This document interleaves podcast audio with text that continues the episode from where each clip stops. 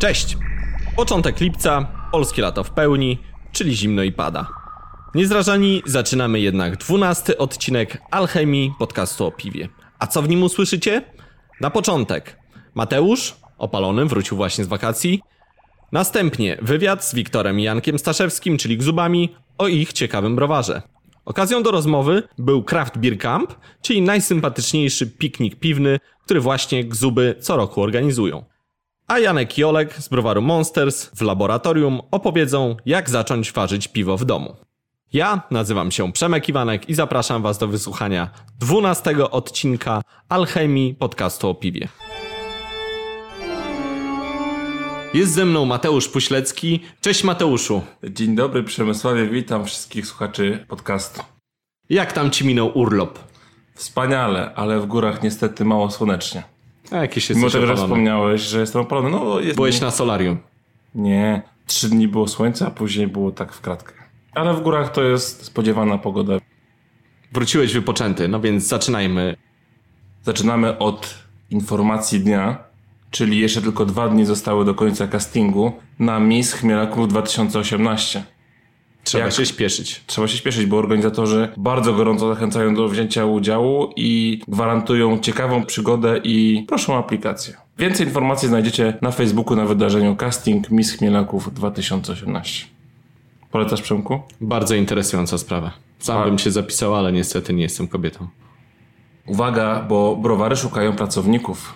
Perun pomocnika piwowara, a browar stu mostów kierowcy magazyniera. I uwaga, uwaga, piwowara poszukują browar Gloger i browar Warkot.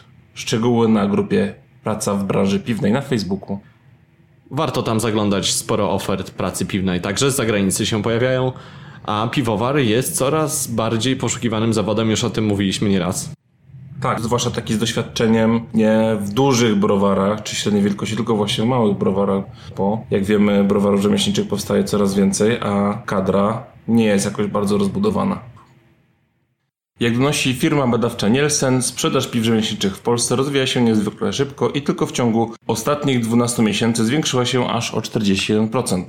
Aktualnie piwa rzemieślnicze mają około 0,5% udział w całkowitej sprzedaży wartościowej piwa w Polsce i to jest ciekawa informacja, bo od dłuższego czasu nikt nie przedstawił takich informacji odnośnie udziału polskiego kraftu w e, sprzedaży piwa. Tak, i trwały spekulacje, ile tak naprawdę ten kraft ma rynku. Jedni mówili, że 1%, drudzy, że 1,5%, inni, że 2 albo 3 już na pewno. Jak widać, Nielsen wskazuje, że jest to 0,5%. I ja myślę, że to jest dobry wynik. Oczywiście pytanie jeszcze, które browary są wliczane, ale myślę, że da się to odnaleźć w raporcie. Tak, myślę, że dotyczy to jednak tego kraftu, którym my myślimy, czyli browarów małych, rzemieślniczych, bez browarów regionalnych, bo No ta liczba między 2 a 3% jest podawana zazwyczaj w kontekście browarów małych i średnich, takich jak na przykład Cormoran czy Beriot. Jak komentuje przedstawiciel firmy Nielsen, ta liczba 0,5% nie wydaje się duża, ale trzeba pamiętać, że piwo to największa spożywcza kategoria FMCG w Polsce, ze sprzedażą detaliczną przekraczającą 15,5 miliarda złotych w 2017 roku. Wow. Jest o co walczyć. Tak, zwłaszcza, że na rynek cały czas wchodzą nowi producenci, a ci, którzy już mają gruntowaną pozycję, aktywnie zwiększają swoją dystrybucję chociażby do dużych marketów. Także jest jeszcze miejsce na nowe browary w Polsce. W związku z tym, że trwa mundial, trochę tematyki o piłce nożnej i piwie, Nasi podobno odpadli, tak słyszałem. tak? Ja nie śledzę piłki nożnej, to Mateusz jest fanem. Dobre piłki nożnej. Klub Coś miałeś na myśli? Nie, tak po prostu powiedziałem. Kolejny polski klub piłkarski z piwem klubowym. Niedawno słyszeliśmy o współpracy Śląska Wrocław z browarem Prost, Widzewa Łódź z czeskim browarem Holba, a teraz Jagiellonia Białystok z firmą Blue Lemon wypuszczają piwo klubowe. Jako kibic piłki nożnej tutaj trochę wspomnę, że to nie pierwsze mariaże tego typu. Marką współpracującą z Legią Warszawa jest Królewskie z grupy Żywiec. Sponsorem głównym Lecha Poznań jest kompania piewarska z Lech Pils. Wcześniej sponsorem był GZ z Warką. Pogoni Szczecin Bosman, a Wisły Płock Kasztelan, czyli oba z Carlsberg Polska. Pilsweiser natomiast waży piwo biało-czarne, taka jest nazwa, dla Sandecji Nowy Sącz. W Witnicy ważone było swego czasu piwo Zagłębiak dla Zagłębia Lubin, a specjalnie na derby Trójmiasta piwo trójmiejskie Dymy przygotował browar Bytów. Kiedyś swoje piwo miały także Krakowia, produkowane przez browar Kraków na początku lat 90. oraz Wisła Kraków, dla której produkował browar Pama. Piwo nazywało się Napój Bogów i Kibiców Wisły Kraków. W Polsce wystartuje sieć lodówkomatów. Firma Impost, znana z dużych żółto-szarych paczkomatów rozsianych w całej Polsce, dywersyfikuje się. Zaczynają rozstawianie lodówkomatów. Dzięki utrzymaniu w pojemnikach odpowiedniej temperatury możliwe stanie się zamawianie produktów, które muszą być przechowywane w ściśle określonej temperaturze. Warunki takie pozwolą kupować zdalnie produkty spożywcze, kosmetyki oraz leki, a piwo ma być podobno pięknie schłodzone. Na początku powstanie 50 takich urządzeń w Warszawie i Krakowie. Ciekawe tylko, jak rozwiążą kwestię sprawdzania wieku osoby, która chce zakupić takie piwo przez lodówkomat oraz kwestię prawną, gdyż jak pewnie wszyscy pamiętacie, Naczelny Sąd Administracyjny spowodował, że nie możemy zamawiać w Polsce alkoholu przez internet.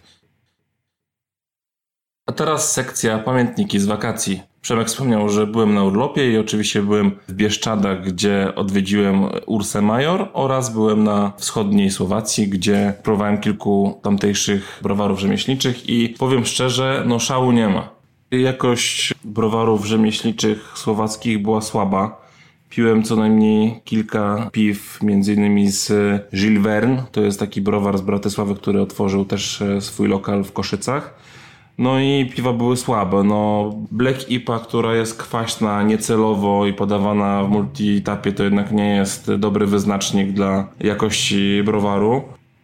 W zasadzie z browarów rzemieślniczych takich typowych e, to najlepszym piwem był czeski Cornell Single Malt, który wygrał konkurs Trebić Ciesko z lata, tak się chyba nazywa ten, ten konkurs. Był to bardzo fajny single malt, dwunastka. Nie nauczyłeś się mówić po czesku. Nie nauczyłem się po czesku, bo byłem na Słowacji. Aha. Y, Natomiast y, ku mojemu zaskoczeniu najlepsze piwa, jakie piłem na Słowacji, były w browarach restauracyjnych. Popradzie oba, w Tatrasie oraz w Dobre Czasy. I piłem- znane chyba, prawda? Tak, one zdobyły za Blansza drugie miejsce na KPR 2017 i piwo naprawdę trzymało poziom. Całkiem dobrą mieli też y, Citra IPA. Natomiast w Tatrasie świetny stout, bardzo dobre tmawe i bardzo dobra session IPA. Jeżeli będziecie w Popradzie, bardzo polecam te dwie miejscówki, bo robią świetne piwo. A ja polecam wybierając się do Czech czy na Słowację pić jasnego lagera, a ewentualnie tmawe i to będzie zazwyczaj dobry wybór. Tak, natomiast no, jest to taka oczywistość, a jak tam jedziesz, a troszeczkę lisnąłeś kraftu, to chciałbyś popróbować czegoś innego. Trzymamy kciuki za rozwój słowackiego kraftu. tak jest. Wieści ze świata. Niedaleko Leicester w opactwie Mount St. Bernard, niedaleko Colville, uważano pierwsze w Wielkiej Brytanii oficjalne piwo trapistów. Jego nazwa to Tint Meadow. Nazwa pochodzi od łąki, w której w połowie XIX wieku mnisi wbudowali opactwo. Otwarcie browaru planowali od 2013 roku, kiedy to z powodów ekonomicznych musieli zamknąć swoją mleczarnię. Ciekawe, kiedy polskie zakony zaczną ważyć swoje piwo, postne albo pątnicze. Widzę w tym niezły biznes, może na przykład jakieś piwo maryjne z Torunia. Były pewne próby, Szczyżyc poniekąd też jest browarem benedyktyńskim, o ile się nie mylę, Cysterskim. cysterskim. Okej, słabo się znam na zakonach. Ja też, ale pamiętam nazwę, bo tam wiele browarów rzemieślniczych waży. Mm, Dobrze. Wiem, że były też próby robienia czystej marki, tak jak pojawiały się tam jakieś marki, te mnisie. Natomiast sami zakonnicy jakoś w Polsce się za ważenie piwa nie zabrali jeszcze. Może się zabiorą. Trzymamy kciuki także za Tak. zakonniczy kraft. Pozostajemy na wyspach, ponieważ Brytyjczycy mogą mieć problem z zakupem piwa w związku z brakiem dwutlenku węgla na rynku. Hurtownicy poinformowali właśnie, że ograniczają barom i sklepom liczbę sprzedawanych skrzynek piwa. Dziennie odbiorcy mogą kupić tylko do 10 skrzynek piwa, czyli około 300 puszek jednej marki dziennie. Zupełnie jak u nas PRL. Nie, no to w ogóle jest taki news, kurczę, ja nie wiem. Wszystkie media to podały, a tak naprawdę jak może w browarze brakować dwutlenku węgla, który jest wydzielany w nadmiarze? Właściwie gdyby zebrać ten dwutlenek węgla, co robią liczne browary i wpompować go z powrotem do piwa, nie byłoby problemu. To jest jakiś problem naprawdę wyssany z palca. Sezon ogórkowy, Mateusz. Trochę tak, Obecnie kilka dużych fabryk amoniaku w Europie ma przerwy technologiczne i stąd właśnie jest ten skutek. Stąd właśnie niedobór dwutlenku węgla na rynku, a duże browary go pewnie potrzebują trochę większej ilości niż browary rzemieślnicze. Moja rada należy zbierać wydzielany dwutlenek węgla i wtedy go dodawać. Bardzo proste. A teraz coś z Włoch. Otóż ma powstać piwo o nazwie Monte Cassino. Ponoć zapowiedzi te wywołały protesty ze strony polskiej. Ja takich nie słyszałem, ale tak donoszą media.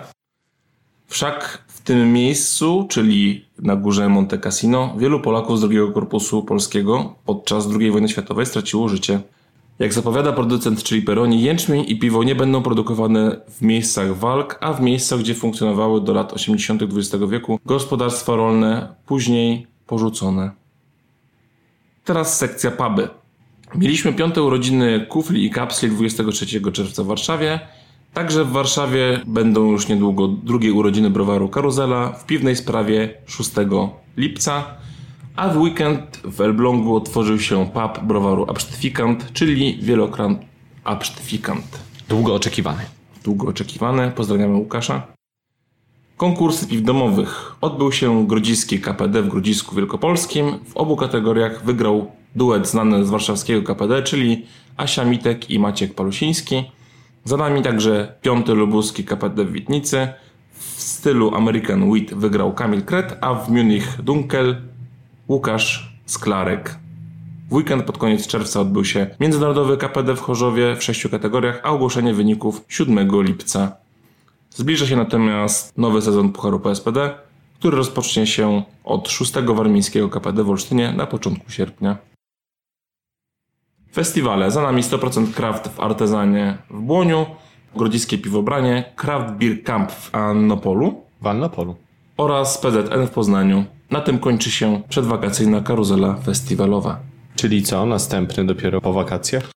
Z tego co kojarzę będą mniejsze imprezy i festiwale, a chyba pierwszym będzie One More Beer. To wszystko ode mnie na dzisiaj. Pozdrawiam wszystkich jeszcze raz i do usłyszenia. Dziękuję Ci bardzo, Mateuszu. Przejdziemy teraz do wywiadu z Gzubami, czyli z Wiktorem i Jankiem. Pierwszy podwójny wywiad, nie ostatni. Będziemy rozmawiać o bardzo specyficznym browarze, czyli browarze Gzub, który wzoruje się na dokonaniach Belgów, oraz o najsympatyczniejszej imprezie, czyli Craft Beer Campie, na którym sam byłem i tam właśnie nagrałem ten wywiad. Miłego słuchania. Jesteśmy wewnątrz browaru Gzub w Annopolu.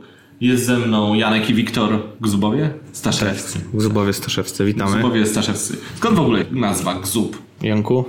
Nazwa wywodzi się z gwary poznańskiej i oznacza w dwóch znaczeniach. W jednym znaczeniu duży taki brzuch wydatny w sensie piwny, w drugim znaczeniu dziecko małe. Przy czym e, w takiej powszechnej gwarze poznańskiej, która nas otacza i której my używaliśmy i, i takiej gwary, której, którą ja poznałem e, w dzieciństwie, jedynym skojarzeniem, które ja miałem z tym słowem było takie małe dziecko, nie do końca, że tak powiem, poprawne. Często No niegrzeczne po Niegrzeczne prostu. po prostu. Niegrzeczne dziecko, czyli nie brzuch piwny jednak. Dokładnie, ale jednak w słowniku PWN gwary poznańskiej na pierwszym stanowisku widnieje wi- wi- wydatny brzuch piwny. Dobrze, to już wiemy, że jesteśmy w Wielkopolsce w takim razie. Jesteśmy na Craft Beer Camp, imprezie przez Was organizowanej. Do, o niej jeszcze co nieco opowiemy, ale zacznijmy może od browaru. Browar, w którym się znajdujemy, zaczął powstawać w 2012 roku, a otworzył się w 2017. Dlaczego tak długo? Pewnie pytanie. Dlaczego tak długo?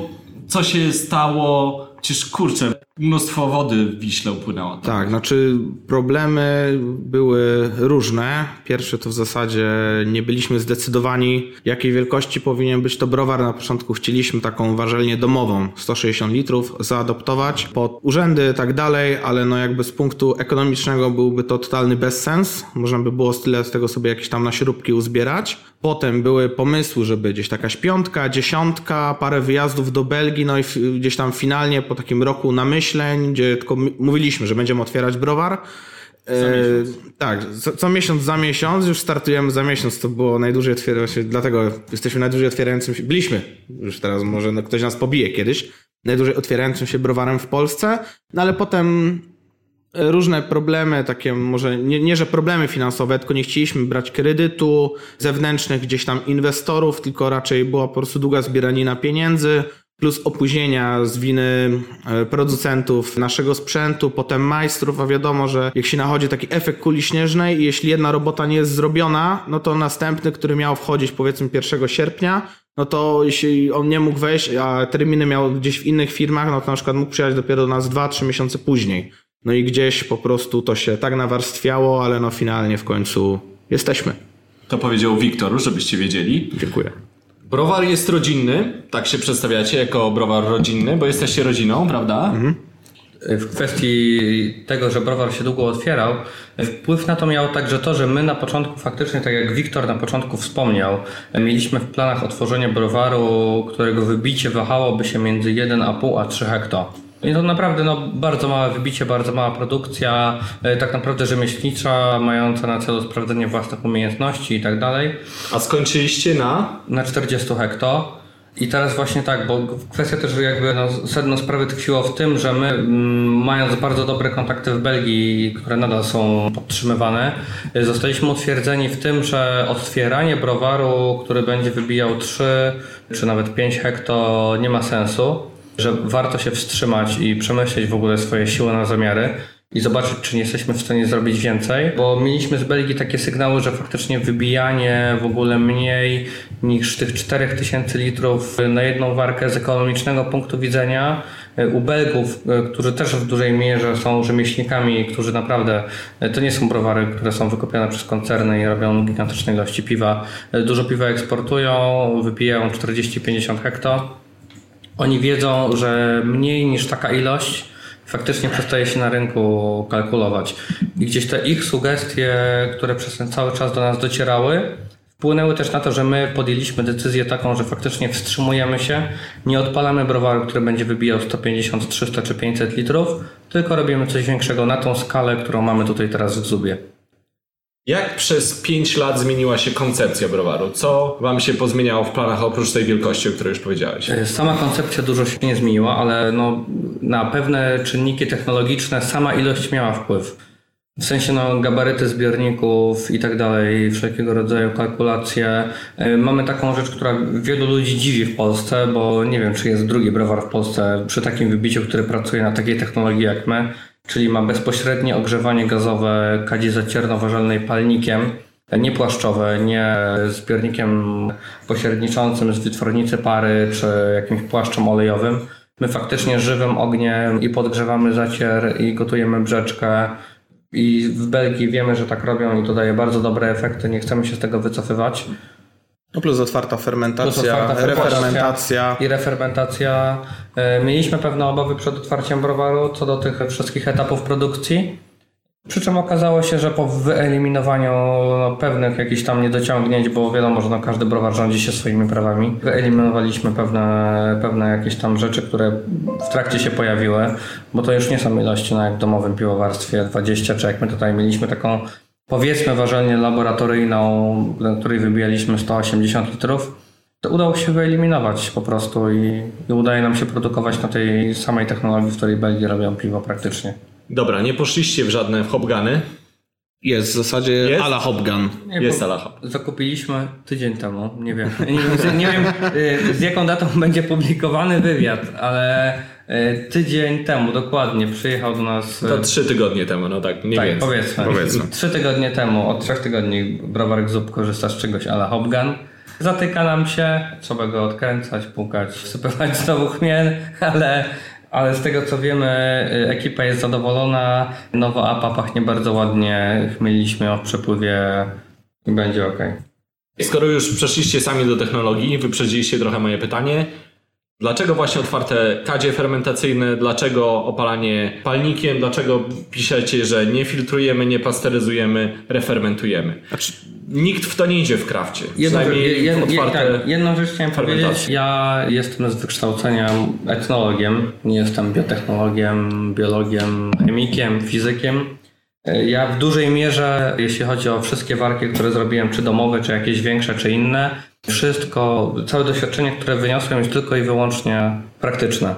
i jakby nie baliśmy się tego, żeby podjąć ryzyko co do tego, co mówią nam w Belgii, że faktycznie zróbcie ogrzewanie bezpośrednie, bo to daje bardzo dobre efekty. Oczywiście zadawaliśmy pytanie dlaczego i, i, czy warto faktycznie coś takiego robić, czy otwarta fermentacja, czy nie otwarta fermentacja. Uzyskaliśmy na nasze pytania bardzo dużo różnych odpowiedzi w Belgii, bo spędziliśmy tam mnóstwo czasu. I suma summarum okazało się, że bezpośrednie grzanie palnikiem i otwarta fermentacja, która u nas tak naprawdę wygląda tak, że zbiorniki, które teoretycznie powinny być zbiornikami otwartej fermentacji, są z góry przykryte. Bo zdecydowaliśmy się na system tego typu, że mamy bardzo dużą powierzchnię, bardzo dużo miejsca, które pozwala na wypienienie się piwa w czasie fermentacji, ale te zbiorniki nie są stricte odkryte, tak jak w innych większych nawet browarach. I zawierzyliśmy temu. Oni przekazali nam argumenty, które świadczyły za tym, że faktycznie warto. No i to działa. działa. Że działa. Skąd ta Belgia? Cały czas wracamy do Belgii, kręcimy się wokół Belgii. Od samego początku opowiadaliście, że chcecie robić piwa belgijskie, że chcecie iść tym tropem. Skąd ona się wzięła? Dlaczego tak bardzo chcecie w nią brnąć, skoro jednak Kraft w Polsce niekoniecznie idzie w tą belgijską stronę i pewnie też znacie przypadki browarów, które się deklarowały, że będą ważyć belgijskie piwa i Bo i ważą. angielskie. Wzięło to się z tego, że no tak jak tutaj mówione, projekt y, pomysłu na browar powstał w 2012 roku, czyli tak naprawdę w Polsce wtedy piwna rewolucja Sześć lat raczkowała. temu. 6 lat temu, tak? A jakby nie popatrzeć, no to wtedy nie było, może nie chcę, żeby to zabrzmiało jakoś brzydko czy arogancko, ale nie było z kogo brać wtedy przykładu. Wzięło to się, dlate, dlaczego Belgia? Wzięło to się z tego, że ponieważ mój ojciec wcześniej, zanim w ogóle po- był browar, pomysł na browar, po prostu prowadził firmę, gdzie handlował z ludźmi z Danii, z Belgii, z Holandii, więc y, pierwszy wyjazd w ogóle to był do Danii. Ja w nim nie brałem udziału, ale później było wyjazd do Belgii, gdzie Janek ponamierzał jakieś różne ciekawe po prostu rzemieślnicze browary.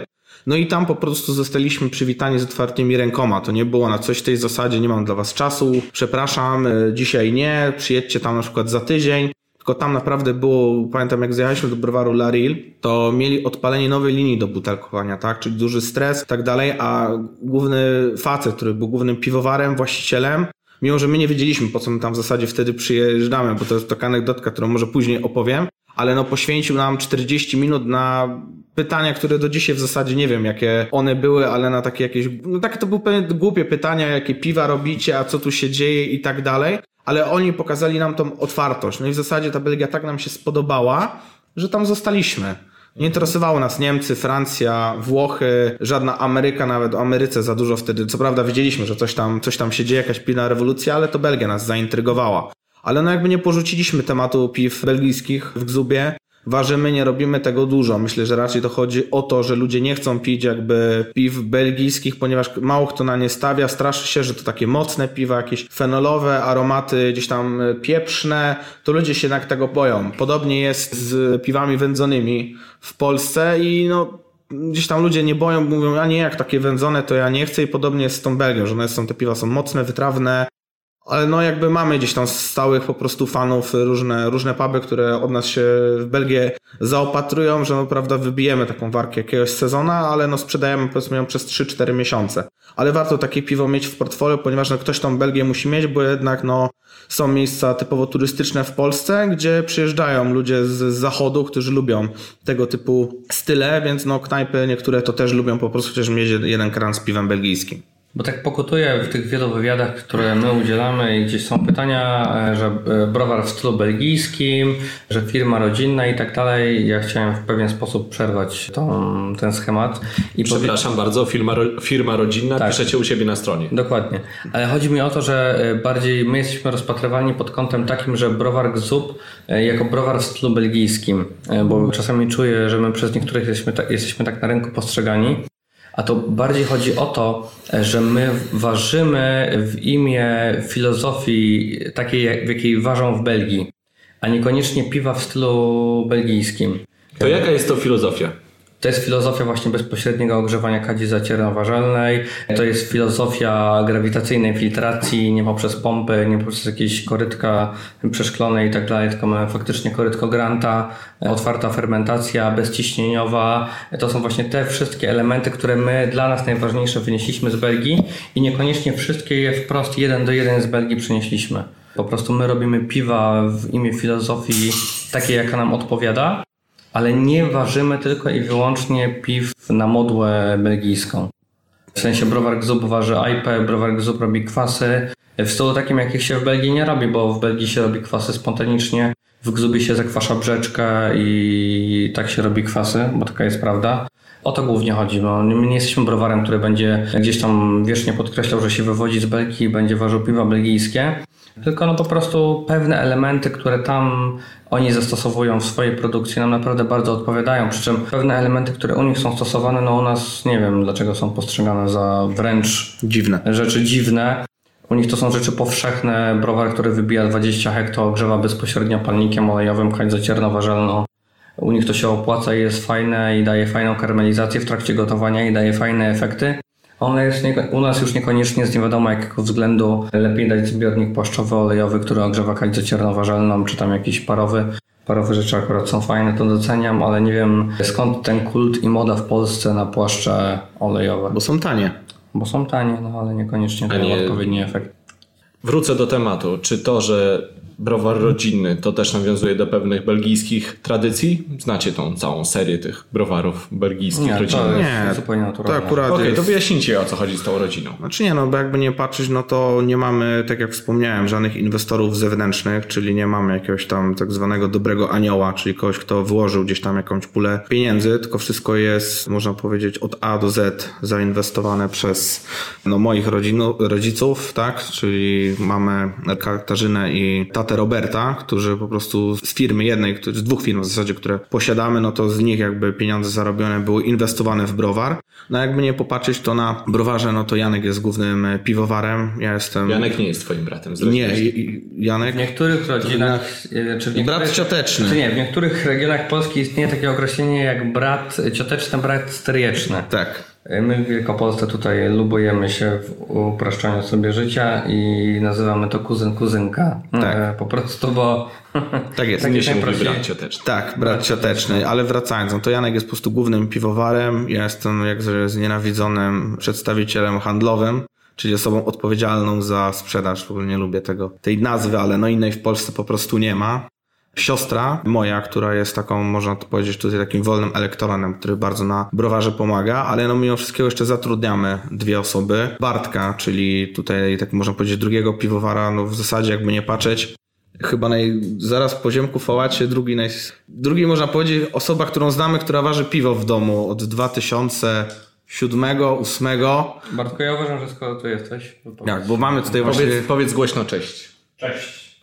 Tak, więc Bartek tutaj też jest, a jeszcze jest Krzysztof. Krzysztof jest naszą taką złotą rączką, która... W niemieckim się- istnieje takie bardzo fajne określenie technik ekspert. Tak, Krzy- Krzysztof jest po prostu technik, ekspert i tak wygląda... Inżynier utrzymania ruchu. Tak, inżynier, Dokładnie. tak. I tak wygląda skład browaru Gzub, gdzie Bartek i Krzysztof, no traktujemy ich też jak rodzinę, więc można powiedzieć, że browar rzemieślniczy, w którym panuje rodzinna atmosfera.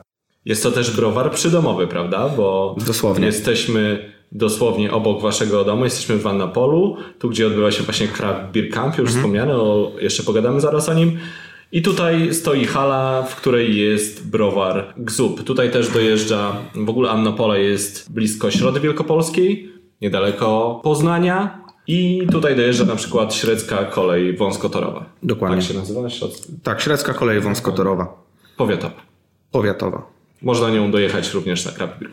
Także bardzo sympatyczne miejsce. Czy was można odwiedzać w ogóle w tygodniu? Można. Jak w, w czasie pracy jak najbardziej. Staramy się tylko nie wpuszczać podczas ważenia, ponieważ jakby wejście główne od strony biurowej jest od razu na, można powiedzieć, prawie że na kać zacierno-warzelną, a po prostu no, różnie to bywa podczas produkcji. No, są gdzieś gorące urządzenia, a wiadomo, czasami turyści wszystkiego chcą dotknąć, wszystkiego chcą obmacać, więc jak jest powiedzmy jakieś butelkowanie, mycie, tak dalej, to pozwalamy wpuszczać, jak jest noważenie ze względu po prostu BHP.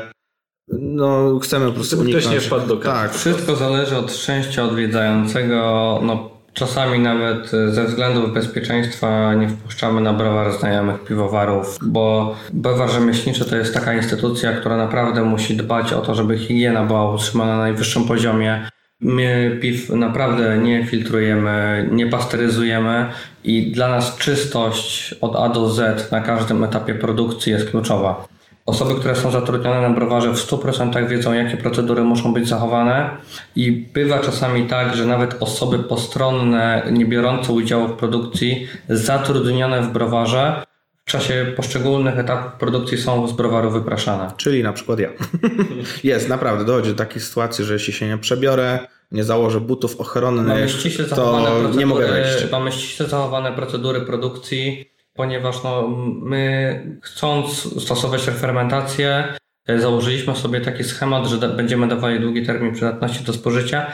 Niestety no, te, tego typu zabiegi no, sprowadzają konieczność wprowadzenia jakichś szczególnych rygorów, jeśli chodzi o produkcję. I... No to nie jest codzienna rzecz w browarach rzemieślniczych, prawda? A Być może, nie wiem. Nie- nie chcemy będę, oceniać Nie będę tutaj. nie będę oceniał, nie będę komentował.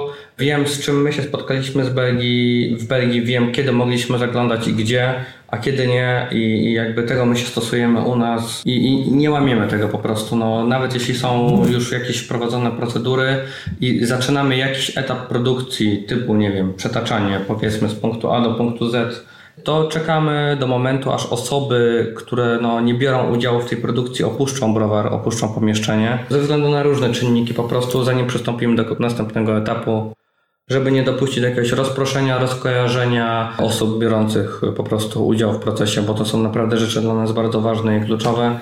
Dla mnie, jako dla głównego piwowara, to są rzeczy bardzo ważne i ja nie dopuszczam na browarze do jakichkolwiek ustępstw od tej reguły. Refermentacja. Padło już to stwierdzenie. To nie jest zbyt często stosowana procedura w piwowarstwie rzemieślniczym, chociaż w domowym standardowa. Znacie jakieś browary w Polsce, które to robią? Jeszcze chyba nikt się na to nie Eureka. Słyszeliśmy o browarze Eureka, nie mamy, znaczy nie, nie będę oceniał, no ja nie mam kontaktu. Okej, nie chodzi E, o z- jakiekolwiek ocenianie. Nie, nie, nie, ale nie, nie, nie chodziło mi o to, że ja będę oceniał piwa czy cokolwiek, tylko chodzi mi o to, że nie będę oceniał jakby technologii produkcji, bo o tym rozmawialiśmy w poprzednim... Po prostu chcę, wiesz, y, Tylko, e, nawiązać do samej Tak, refermentacji. e, ale bardzo ceniłem, bo słyszałem o tej ich inicjatywie od samego początku, jak oni tylko zaczynali tam browar otwierać i że będą stosować refermentację i tak dalej i bardzo kibicowałem od samego początku, ale mm, odpowiadając na to pytanie, które padło, chciałem podkreślić to, że ich nie poznałem osobiście, osób odpowiedzialnych za ten browar po prostu i Tak, zresztą wiem, że browar Psotnik, który też w zasadzie jest niedaleko od nas, gdzieś 40 km, też refermentuje i obecny dzisiaj na Craft Beer Camp browar Vagabunda. Czy nie jesteście jedyni? No ale w- nieliczni, można powiedzieć, kropla w całym morzu kraftu polskiego. Używacie E, e, specjalnych fermentacja nie butelek? Nie używacie specjalnych butelek. Nie, nie używamy specjalnych butelek. e, Używamy surowca do refermentacji, które sprowadzamy z zagranicy, e, z którego korzystają belgijskie browary. Surowiec pochodzi z Czech. E, Co to takiego? Możesz zdradzić? To jest syrop inwertowany. Okej. Po prostu. Gotowy, sporządzony przez firmę, która zaopatruje uznane europejskie marki w tego typu surowce i my z tego typu surowca korzystamy. Jakieś problemy z refermentacją? Bo tak jak mówię, to nie jest codzienne. E, Powiem tak, e, z tego co czytałem w internecie, z tego co gdzieś słyszałem i sami zauważyliśmy tutaj, bo nie będę ukrywał, że no, początki nie zawsze są łatwe. Wiem, że pierwsze nasze piwa gdzie niegdzie zdarzały się przegazowane i za to bijemy się w pierś. Jakieś błędy może zostały popełnione. Wyciągnęliśmy już wnioski. Ostatnio tego typu, tego typu uwagi są w zupełnie mniejszej ilości, jakby nie spotykamy się z tego typu opiniami. Sezon pierwszy, wiadomo, był przegazowany. Co daje wam refermentacja? Bo rozumiem, że ma to sprawić, że piwo będzie bardziej stabilne? Tak będzie bardziej stabilne. Generalnie no, prawda jest taka, że w trakcie refermentacji ten tlen, który jest między powierzchnią piwa nalanego do butelki, a kapslem nie zostanie cudownie pochłonięty przez fermentujące piwo, które się w nim znajduje i nie zostanie w ogóle tam ten wyeliminowany z butelki i tak dalej. Ale no nie da się ukryć, że nie licząc jakichś super drogich i fajnie wyposażonych linii dwutlenek węgla, które służą do rozlewu piwa, nie da się osiągnąć efektu, w którym piwo nie zostanie chociaż w minimalnym stopniu natlenione. Refermentacja daje to, że faktycznie no, cały tlen, który gdzieś przy przetaczaniu piwa z leżaka na zbiornik pośredniczący, tak jak u nas na rozlew i tak dalej, zostanie utleniony, no cały ten tlen który gdzieś trafia do brzeczki, znaczy do brzeczki, wtedy już do piwa, które trafia do rozlewu, no zostanie przez drożdże po prostu przetworzony. No u nas to się dzieje. No faktycznie nie ma tak, że, że gdzieś piwa są utlenione i tak dalej. No nie spotkałem się jeszcze z opinią, że nasze piwa gdzieś mają problem z utlenieniem, z aldehydem octowym i tego typu rzeczami. Czyli na plus. Na plus. Na plus. Czasochłonnie, energochłonnie. Sam proces refermentacji jest kwestią, którą trzeba pilnować i kontrolować, bo to nie jest, nie jest prosty temat. Ale nie, nie chcemy w ogóle z tego rezygnować. Już browarek zup praktycznie brakują nam dwa miesiące do tego, żeby zamknąć jakby rok działalności i refermentacja przez ten cały rok nie przysporzyła nam żadnych problemów. Refermentacja w butelkach, prawda? Tak. beczkach. I beczkach W też. beczkach też. Też plastikowych, czy nie? Plastikowych. Polski producent, znaczy przerabialiśmy już trzeci, trzech producentów, był Petainer, później Dolium. Dolium są naprawdę bardzo fajne, ale no problemem jest cena jednak, gdzie w Polsce naprawdę wiele pubów mając nawet 15 zł drożej na jakimś piwie, no to jest gdzieś tam złotówka Nawet do. Każda nawet złotówka się każda złotówka się liczy, więc no obecnie korzystamy z Kekpet. Jesteśmy zadowoleni, słyszeliśmy wiele takich średnich opinii, ale ja uważam, że te opinie są totalnie nieuzasadnione. Nie wiem na jakich zasadach funkcjonuje ten kanał, ale bardzo chciałem polecić firmę Kekpet. Jeśli to nie będzie krypto. Na tym kanale jesteśmy bardzo Jasne, zadowoleni. jeśli chcecie, mówcie co chcecie. Tak, jesteśmy bardzo zadowoleni z obsługi. Nieraz bywało tak, że je- jest jedyna firma, która funkcjonuje na takich zasadach, że ja dzwonię rano o godzinie 9 i o godzinie 17 my tutaj na placu odbieramy beczki, które są potrzebne na przykład za dwa dni. Jest bardzo miła obsługa i polecamy. Jak chcecie, żeby wyglądała przyszłość browaru ZUP? Jakie macie plany?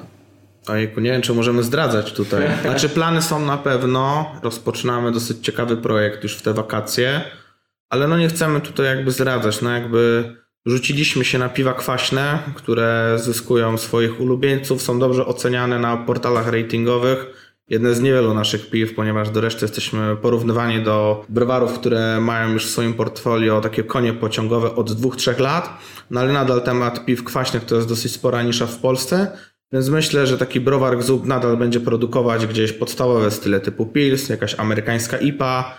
Y, Myślę, że Iris może się niedługo trafi, ale myślę, że takim naszym konikiem tutaj, który będziemy chcieli pielęgnować, to będą jednak piwa kwaśne, bo naprawdę Janek świetnie się w tym czuje.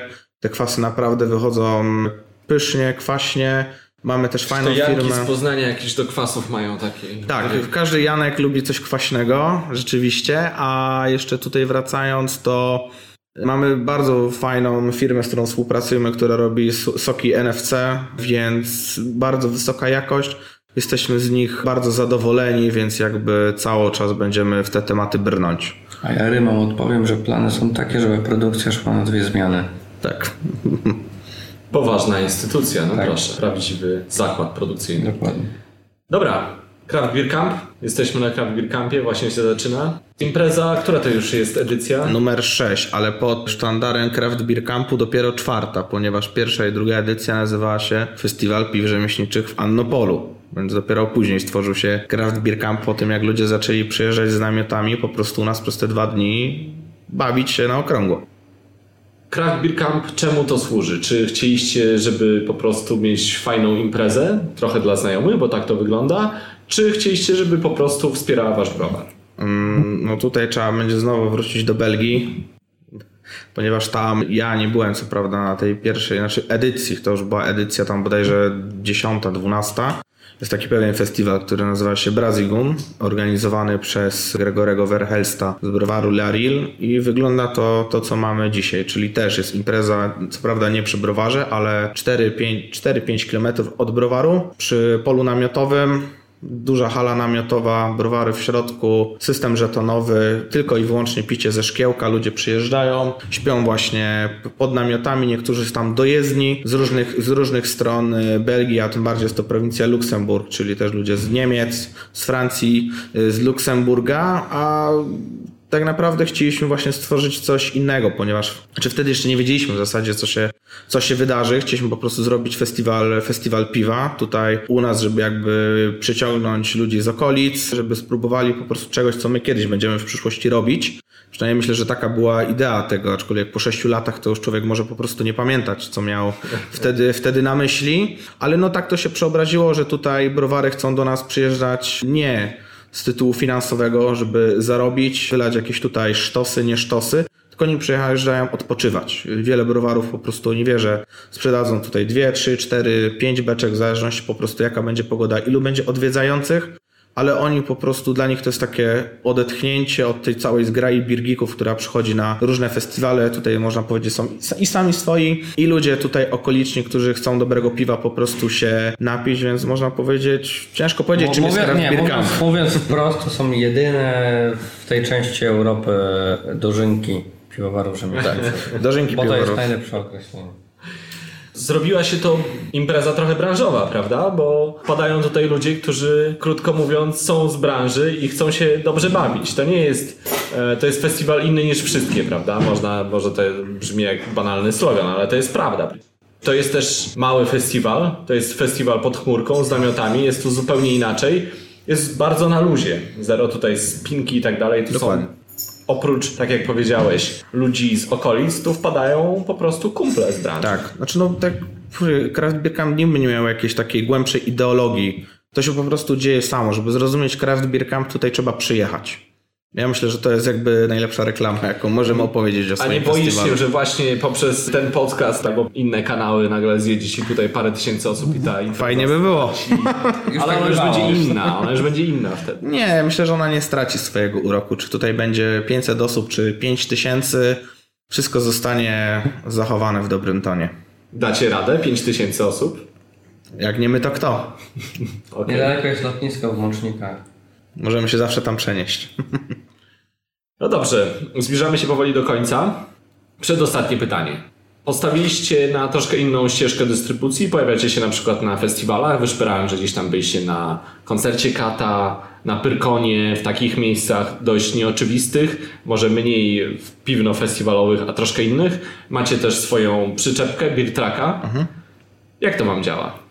Myślę, że to jest długa droga. To jest tak naprawdę cały czas, można powiedzieć, kruszenie tego, tej takiej ściany między nami, a można powiedzieć takim konsumentem, który jeszcze nie pije nie tyle co piwa rzemieślniczego, to jakby jeszcze nie jest przekonany, bo jest to dla niego coś dziwnego, jakaś, jakaś moda, albo w ogóle o tym nie słyszeli. Ale no wracając tutaj do tego właśnie pytania, że pojawiamy się w miejscach zupełnie niezwiązanych z craftem, ale no taka też była gdzieś nasza ideologia, bo wystarczy teraz poczytać, co się dzieje w internecie po każdym festiwalu. Raz są opinie fenomenalne, rok później ten sam festiwal się powtarza i wszyscy ojejku, jak było beznadziejnie, trzy beczki piwa sprzedane, 5 tysięcy zapłacone, hotele, tak dalej. No i to jest cały czas takie granie, można powiedzieć, z ogniem, ale no jakby cały czas życie wokół tych imprez dużych piwnych się kręci, aczkolwiek no coraz widać, jak, jak my zaczynaliśmy z naszym craft beer campem, to można powiedzieć, że delikatnie mówiąc trochę się z nas podśmiechiwano, że gdzieś tam festiwal na wsi, że brakuje, żeby tylko gdzieś jakieś zwierzęta wypuścić na ten nasz trawnik, a teraz to się dzieje.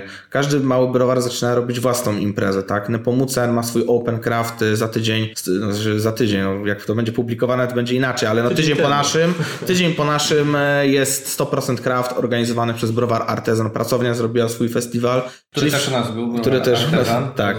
I tydzień później, i tydzień, miesiąc, e, rok później przyjechali do nas, zrobili 100% craft. Ale no jakby wszystko powoli zmierza ku temu, że gdzieś od tych dużych imprez, takie browary, które mają własną instalację, które nie są kontraktami, będą starali się przyciągać gamę tych lokalnych klientów. I to samo robimy my, czyli wspomniany Beer Track, gdzie obsługujemy mecze piłkarskie naszego trzecioligowego klubu i ty ludzie się przestawiają na początku, awansu. życzymy awansu do drugiej ligi. Za rok ponoć chcą, chcą awansować. Jak, jak się nazywa drużyna? Polonia Środa Wielkopolska. W tym roku skończyli rozgrywki na piątym miejscu, prawie wylądowali na czwartym, więc jakby awans prawie tutaj zajrzał w oczy.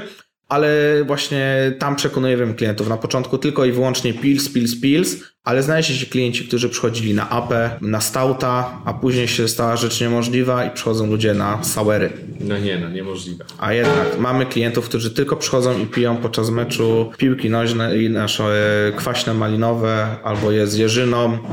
To się zmienia, tylko trzeba dojść do tego klienta osobiście. On nie pójdzie, on nie kupi tego w sklepie, tylko mu trzeba pokazać.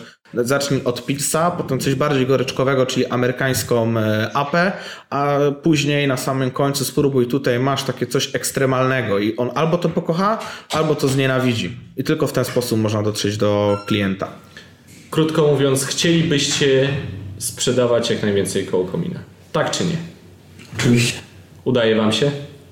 jest ciężko. Wierzycie w to, że się uda?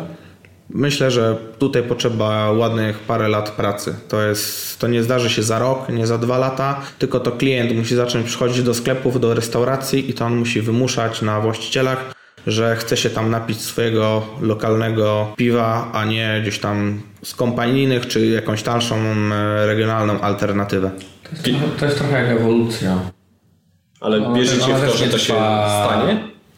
Musi się stać. Ludzie mają coraz większą świadomość a propos odżywiania w ogóle się, tak? Ktokolwiek z nas 10 lat temu jeszcze czytał jakieś tabelki na produktach, ile kiełbasa śląska z marketu typu X y, ma węglowodanów, a ile ma białka, a ile ma tłuszczu. Teraz przypuszczam jakieś statystycznie 30% Polaków tego typu informacje na etykietach jednak czyta. Skoro czyta, to znaczy, że się interesuje. Jeśli się interesuje, to znaczy, że ma jakiekolwiek pojęcie. Jeśli ma jakiekolwiek pojęcie, no to znaczy się, że suma summarum będzie szukać produktów, które dla jego organizmu będą miały najlepsze wartości. Ostatnie pytanie. Czego wam życzyć? Szczęście. Wytrwałości Pomyślności? i dużo gości na Craft Beer Campie. No więc życzę tego wszystkiego. Dziękuję wam bardzo za rozmowę. Wiktor i Janek. Dzięki. Dziękujemy. A teraz wyjątkowo ja zapowiem kolejną część naszej audycji. Przejdźmy do laboratorium, gdzie Olek i Janek z browaru Monsters opowiedzą nam, jak zacząć ważenie piwa w domu.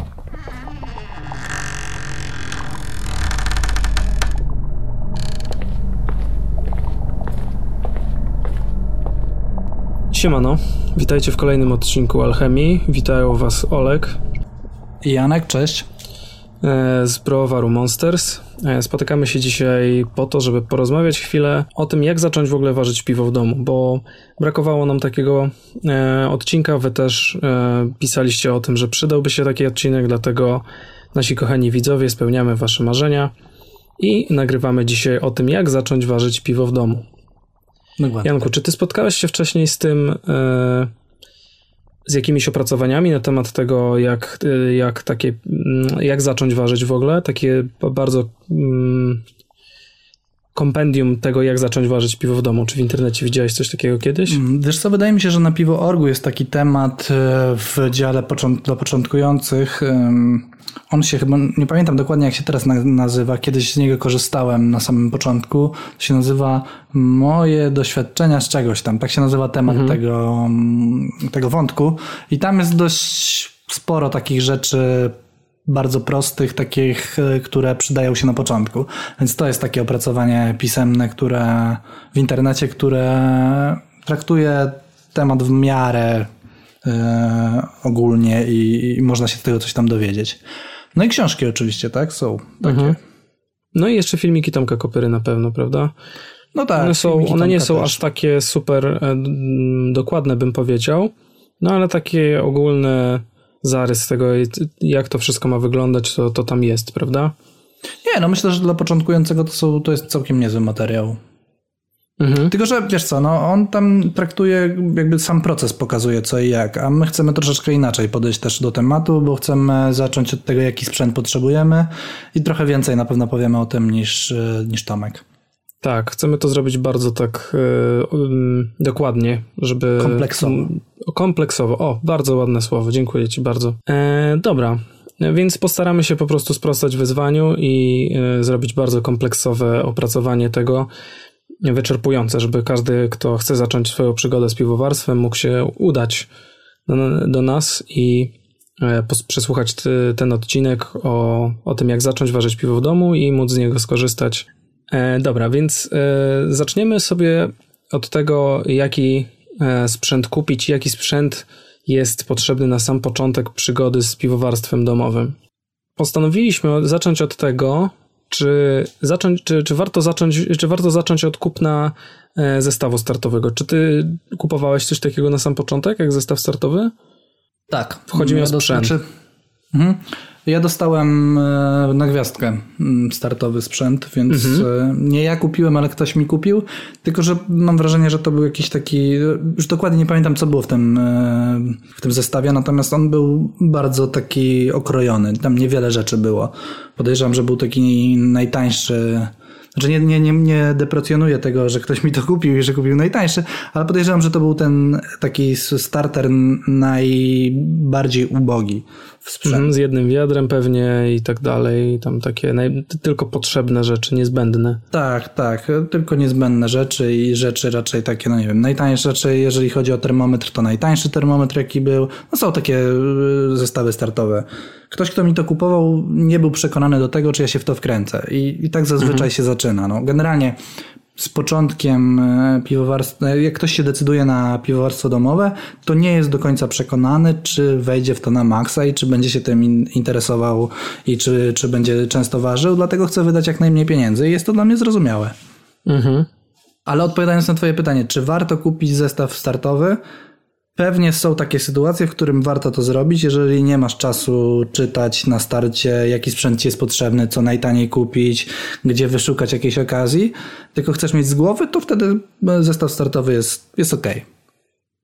Mhm. Znaczy, ja nie do końca jestem przekonany, jeżeli chodzi o, o to. W sensie, e, ale to może wynikać z tego po prostu, jaki ja jestem. Ja wolę sobie wszystko zebrać e, własnym sumptem do kupy. Głównie dlatego, że czasami są w tych zestawach startowych rzeczy, które nie są potrzebne. Tylko, że człowiek się dowiaduje zwykle tego dopiero po, po kilkunastu warkach, powiedzmy, że e, są pewne elementy tych zestawów startowych, które albo są niepotrzebne, albo potencjalnie mogą bardzo łatwo się zepsuć. I ja, jak będziemy mówić o tej części, to ja będę wspominał o tych rzeczach, które uważam, że są niepotrzebne w, w tych, tych. Teraz to na razie nie chcę o tym mówić. Nie, no ja się z tym zgadzam, że e... jest tam parę takich rzeczy i w sumie jeżeli chcesz zaoszczędzić i chcesz mieć sprzęt na lata i generalnie mm, nie wydawać pieniędzy, bo te zestawy startowe są droższe niż można je, te rzeczy mhm. wszystkie kupić tak, pojedynczo, a niektóre są... Tak, a niektóre rzeczy są zupełnie niepotrzebne, więc płacisz za, pewną, za pewien rodzaj wiedzy. Ktoś za ciebie ten zestaw poskładał, E, przygotował tak, że otwierasz ten zestaw i generalnie jesteś w stanie od razu uważać piwo. I za to też w jakiś sposób płacisz, za tą wiedzę, którą ktoś e, wykorzystał po to, żeby skompletować ten zestaw startowy. Ten ktoś mhm. to jest sklep po prostu. Tak. Mhm. Mhm. No i jeszcze jedna rzecz, która mi się nie podoba, jeżeli chodzi o te zestawy startowe, one zawsze są z wiadrami 20-litrowymi.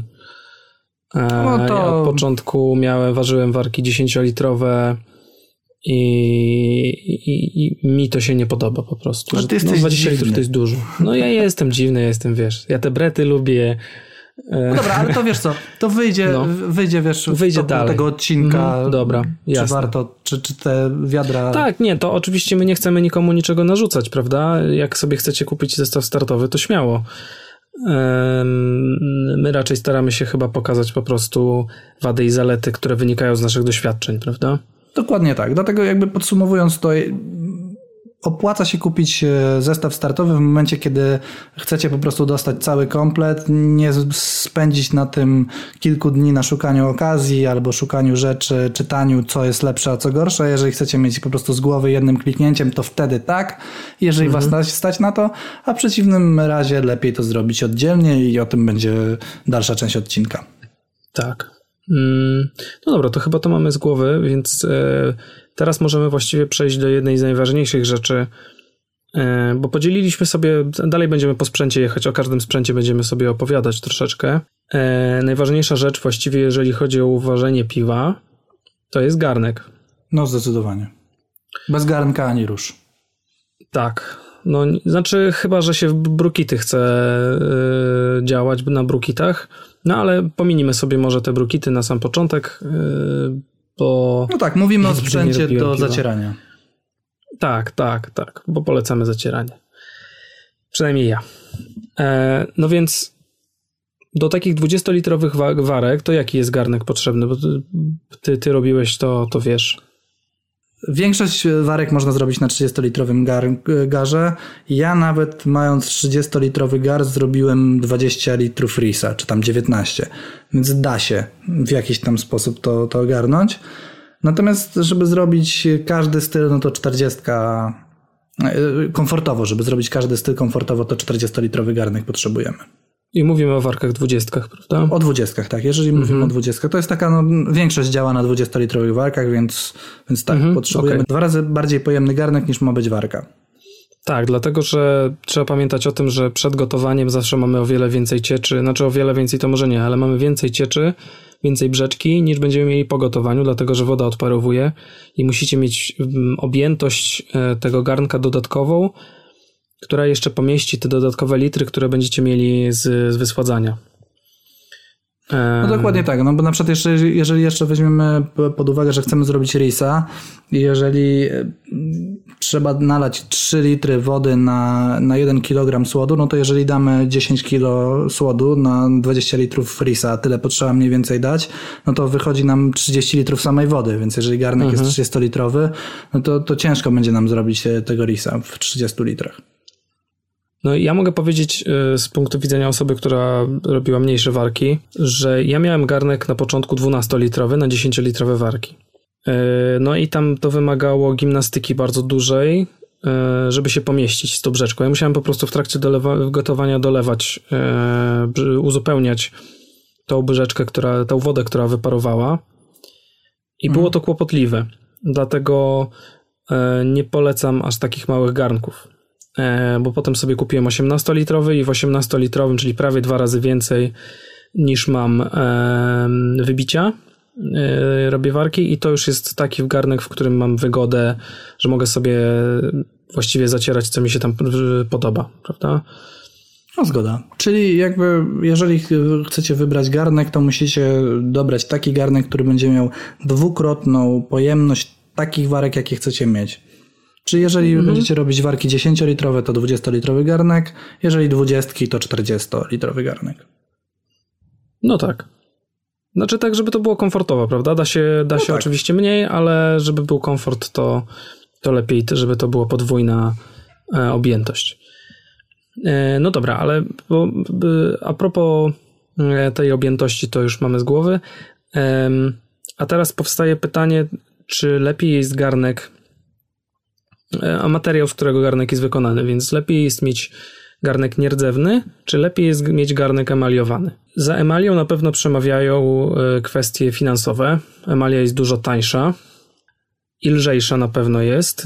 Lżejsze są garnki emaliowane. O, tutaj to bym się nie zgodził. Tak? Myślisz, że mogą być... Nierdzewka, jeżeli jest, nie jest z jakiejś grubej, e, nie, nie ma grubych, e, grubego dna na przykład, tak? grubego dna albo grubych e, ścianek, to jest lżejsza niż e, emalia. Okej. Okej. No, tak, tak mi się wydaje. Czyli to takie mój- plus minus, można powiedzieć. Mhm. Tak, akurat jeżeli chodzi o wagę, to, to, to, to, mm, to akurat nie jest plus czy minus. One mniej więcej mogą ważyć tyle samo. Okej, no dobra. No więc mam wrażenie, że na tym etapie kończą się zalety garnka emaliowanego. Jeżeli chodzi o główne wady takiego garnka, to na pewno łatwo jest go obić. Tak. E, W sensie ta emalia się po prostu tłucze, odtłukuje i potem, jeżeli jeszcze pół biedy jak się obtłucze na zewnątrz, ale jak w środku tego garnka się obtłucze, to e, ryzykujecie, e, że piwo, które będziecie robić, będzie żelaziste po prostu. Dlatego, że tam się ta stal z, z wewnątrz odsłania i ona może uwalniać żelazo do, do brzeczki i będziecie mieli po prostu żelaziste piwo.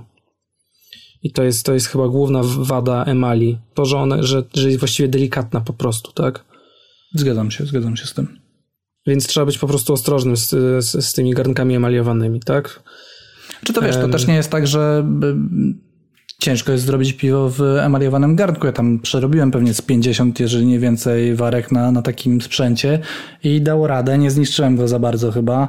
E, No nie, nie zniszczyłeś. Mam go A, no ciągle, więc No, on generalnie nie był zniszczony, był trochę zasyfiony, bo ja tam nie chciało mi się go za bardzo myć, ale, ale to, to, to wszystko się dało domyć, i, a, a jakichś odprysków nie było, więc też jakoś super nie dbałem. Wsadzałem w to różne rzeczy, pewnie przytarłem czasami tą emalię trochę i generalnie się nic nie działo, więc to nie jest tak, że trzeba się obchodzić z tym garnkiem jak z jajkiem, to na pewno Nie, no tak, oczywiście. To raczej chodzi o to, żeby nie zrzucić go na przykład z wysokości metra, żeby on nie wypadł wam z rąk, e, żeby młotkiem w niego nie walić, albo na przykład, nie wiem, no, żeby młotkiem nie walić przede wszystkim w niego. To Eee, jest zasada numer jeden. Nie walimy tak. młotkiem garnek, nawet jeżeli jest ze stali nierdzewnej. tak. Em, więc emalia jest spoko, dopóki po prostu jesteście w miarę ostrożni z, z tym, tak, że, że nie, nie, nie wyrzucacie przez okno tego garnka. No dobra, a zalety nierdzewki są jakie? E, przede wszystkim mi się najbardziej w nierdzewce podoba to, że jest, y, że można łatwo ją umyć, że y, znaczy, że, że widać o wiele łatwiej zabrudzenia na pewno niż na emali. Bo No tak, ten garnek, okazji- który ty mi dałeś emaliowany jest ciemny i, i na nim nie widać, nie? A, no tak. do końca. I mam wrażenie też, że trochę lepiej ciepło może trzymać, że jest, że tam e, ten producent może za bardziej dba, znaczy producent ma większą kontrolę nad grubością dna w garnku nierdzewnym. Tak, To na się pewno. przekłada na, na ten, na, na utrzymywanie temperatury. Zdecydowanie garnek ze stali nierdzewnej dużo dłużej trzyma temperaturę i to, mm, to sporo, bo ja jak się przesi- przesiadłem na nierdzewkę, to zauważyłem różnicę, jeżeli chodzi o utrzymywanie temperatury w czasie zacierania, E, to to jest na pewno duży plus. No kolejny jest taki, że rzeczywiście mycie tego garnka jest dużo łatwiejsze, dlatego że można spokojnie wziąć e, taki e, druciak i nawet druciakiem potrzeć i się nic nie stanie mm, generalnie, więc, więc spokojnie można to, to trzeć. No minusem jest cena przede wszystkim, tak? bo, bo on jest ze dwa razy droższy, jeżeli nie lepiej, no nie? Tak, jeżeli, jeżeli jeszcze chcecie jakiego, jakiegoś dobrego producenta kupić, to, to, ten, to tym bardziej cena rośnie, cena rośnie po prostu w stosunku do, do garnka emaliowanego. Ale jeszcze jedna z zalet ogromnych, które mi się bardzo podobają w nierdzewce, to jest to, że często te garnki nierdzewne mają skalę. Mają y, skalę w litrach y, w środku i o wiele łatwiej jest odmierzać y, objętość wody chociażby. Lejecie po prostu prosto do garnka, do kreski takiej i takiej i wiecie ile wody jest w środku. Tak samo w trakcie gotowania. Wiecie jakie macie odparowanie na bieżąco, nie musicie robić jakichś e, oznaczeń na łyżkach, e, czy robić sobie jakichś płynowskazów śmiesznych i tak dalej, i tak dalej. To jest super zdaniem to jest bardzo, bardzo, bardzo mocno ułatwia życie. To znaczy na nagrania. początku. Na początku to jest rzeczywiście Tak, bardzo no ważne. tak.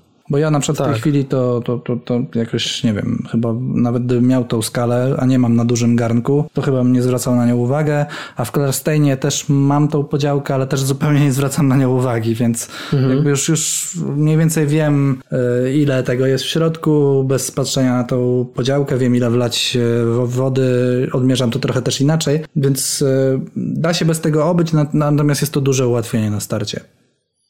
Tak, także wiecie, no mm, wybór należy do was ponownie. Macie albo tańszą emalię, albo droższą nierdzewkę, no i wiadomo, że nierdzewka na pewno będzie taka, że kupicie raz ten garnek i, i jeżeli będziecie się chcieli przesiadać, to na pewno albo na większy, albo na mniejszy, a nie e, na nowy, bo coś tam się wydarzyło, tak? Na pewno ta nierdzewka będzie trwalsza. Jak gdybym miał to podsumować, to bym e, powiedział, y, tak jak ty często mówisz, to zależy. No tak.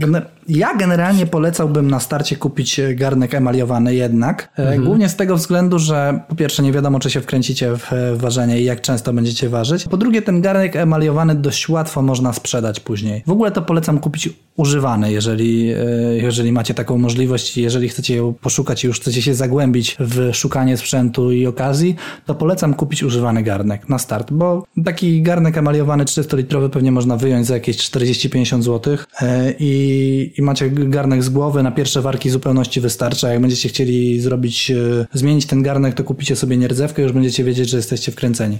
Więc e, jeżeli nie jesteście przekonani, to zdecydowanie emalia. Jeżeli jesteście przekonani i wiecie, że to będzie po prostu zabawa na parę ładnych lat, no to zdecydowanie nierdzewka, bo to wcześniej czy później będziecie chcieli wymienić ten garnek.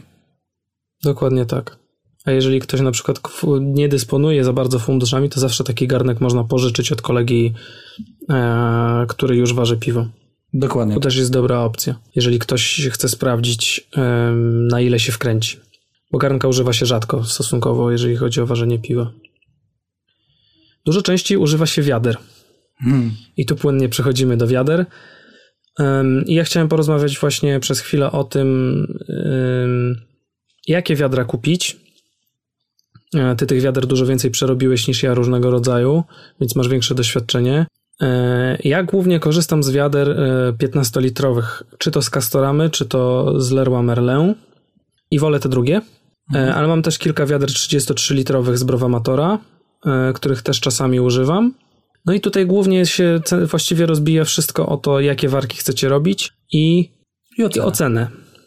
Dlatego, że te warki, te wiadra 33-litrowe kosztują około 25 zł, tak? No coś koło tego, w zależności od sklepu, trochę mniej lub trochę więcej. Podczas gdy te 15-litrowe ze sklepów budowlanych kosztują 8 zł razem z pokrywką. No, 8-9 jest zł. spora, więc e, Tak. jeżeli chcecie oszczędzić, to zdecydowanie te z Castoramy. Nawet jeżeli chcecie robić e, warki e, dwudziestokilkulitrowe, to też e, można je robić w dwóch wiaderkach z Castoramy i to, to też ma taki plus. W ogóle te wiaderka z Castoramy, czy tam z jakiegoś innego budowlanego sklepu mają tą zaletę, że mają rączkę taką, e, A, no tak. za którą Mhm. można złapać. Więc nawet jeżeli chcecie robić 20-litrowe warki, to możecie je zrobić w dwóch takich wiaderkach i one się dużo łatwiej, dużo łatwiej się będzie to nosić. Więc to jest ogromna zaleta tych mniejszych, e, tych mniejszych wiaderek, bo noszenie 25 litrów, jeżeli macie jeszcze kawał drogi, na przykład do piwnicy, a chcecie w piwnicy to trzymać, no to trochę kręgosłup siada po pewnym czasie. Chyba, Tak, bo na tych wiadrach z Browamatora są po prostu takie uszy z prawej i z lewej strony, do których się możecie od spodu włożyć ręce i podnosi się wtedy, znaczy dłonie włożyć i podnosi się wtedy to, to, to wiadro dwoma, dwoma rękami, a nie e, jedną za ucho, znaczy za, za, za, to, To nie jest ucho, tylko za rączka. ten pałąk taki. No, za tą rączkę. Mhm. Dokładnie. Natomiast y, ja na początku i jakby widząc y, to, jakie są często pytania i jak zachowują się nowi y, piwowarzy, to ja na początek przede wszystkim poleciłbym kupić wiadro prz- przeźroczyste. Tak, żeby było widać, A, no co się tak. w środku dzieje. No tak, no tak, te Bo- pytania o to, że ludzie bardzo No. często chcą zaglądać do środka, prawda? Tak, więc y, na początku przeźroczysty fermentor jest jak złoto po prostu, bo, bo nie musicie co chwila otwierać y, wieka, żeby zobaczyć, co tam się dzieje i nie wpuszczacie tam tlenu, tylko na spokojnie widzicie z zewnątrz wszystko, jak to wygląda. Możecie nacykać fotek i zapytać, czy to zakażenie, Jezu, co się stało i wrzucać na fora e, pytania, tak? Więc ja polecam na początku kupić mm, taki właśnie fermentor, bo to znacznie ułatwi wam sprawę i nie spieprzycie sobie pierwszych warek przez to, że będziecie zaglądać cały czas. To, co trzeba jeszcze na początku powiedzieć, to to, że e, dobrze jest mieć na sam początek wiaderko z e, dziurką. W sensie z boku na kranik, z dziurką na kranik. Mhm, mhm. Bo oczywiście w Castoramie można to zrobić samemu, natomiast to jest kolejna rzecz, na którą trzeba zwrócić uwagę i kolejna rzecz, którą trzeba zrobić przed ważeniem. A mi się wydaje, że na początku będzie dużo innych problemów, dużo ważniejszych niż e, robienie sobie dziurki w wiaderku. E, W sensie rzeczy, na które trzeba zwrócić uwagę. E, Więc ja polecam początkującym piwowarom przeźroczysty fermentor i z kranikiem koniecznie, żeby był jeden. A nawet ja bym chyba sugerował na to, żeby były dwa, e, dwa wiaderka z kranikiem, bo jak sprzedajemy na cichą, to ja z tej cichej też przelewałbym za pomocą takiego tak zwanego reduktora osadów. To jest taki smoczek, który się wbija, który pozwala za, na zaci- zaciągać brzeczkę, czy tam gotowe piwo od góry jakby, tak? Z, od góry, z górnej części kranika, a nie z dołu i nie zas, zasysamy tego syfu. Dlatego, że to też będzie wyzwanie na początku. Tak mi się wydaje. Więc żeby sobie ułatwić sprawę, dwa wiaderka z kranikiem, e, przeźroczyste, moim zdaniem. Mhm. No zgadzam się. Natomiast jeżeli chcemy, jeżeli chcemy oszczędzić, to zdecydowanie później przejść na wiaderka z kastoramy i to jest super sprawa. Ja właściwie teraz tylko i wyłącznie na tych kastoramach ważę. Nawet jak ważyłem na przykład teraz w weekend mm, warkę 20-kilkulitrową, to i tak ją podzieliłem na pół, wlałem w kastoramę, jeszcze sobie zadałem inne drożdże do tych, do tych wiaderek. Więc mam tak naprawdę za jednym zamachem dwa, dwa piwa i dwa eksperymenty tak naprawdę załatwione. Mhm. No, to chyba wyczerpuje ta dyskusja e, kwestie wiader, więc możemy przejść dalej. I tu jest rzecz, która y, mi się wydaje trochę dziwna, bo chciałbym o łyżkach przez chwilę porozmawiać, no, przez króciutką chwilę, bo to jest właściwie krótki temat. Bardzo dużo ludzi kupuje te takie mieszadła plastikowe. No takie plastikowe, no wiadomo mniej więcej jak to wygląda. Jak sobie wejdziecie na stronę jakiegokolwiek e, sklepu piwowarskiego, to zobaczycie jak takie mieszadło wygląda. Takie białe, zakończone takim jakby trójkątem. Łopatą.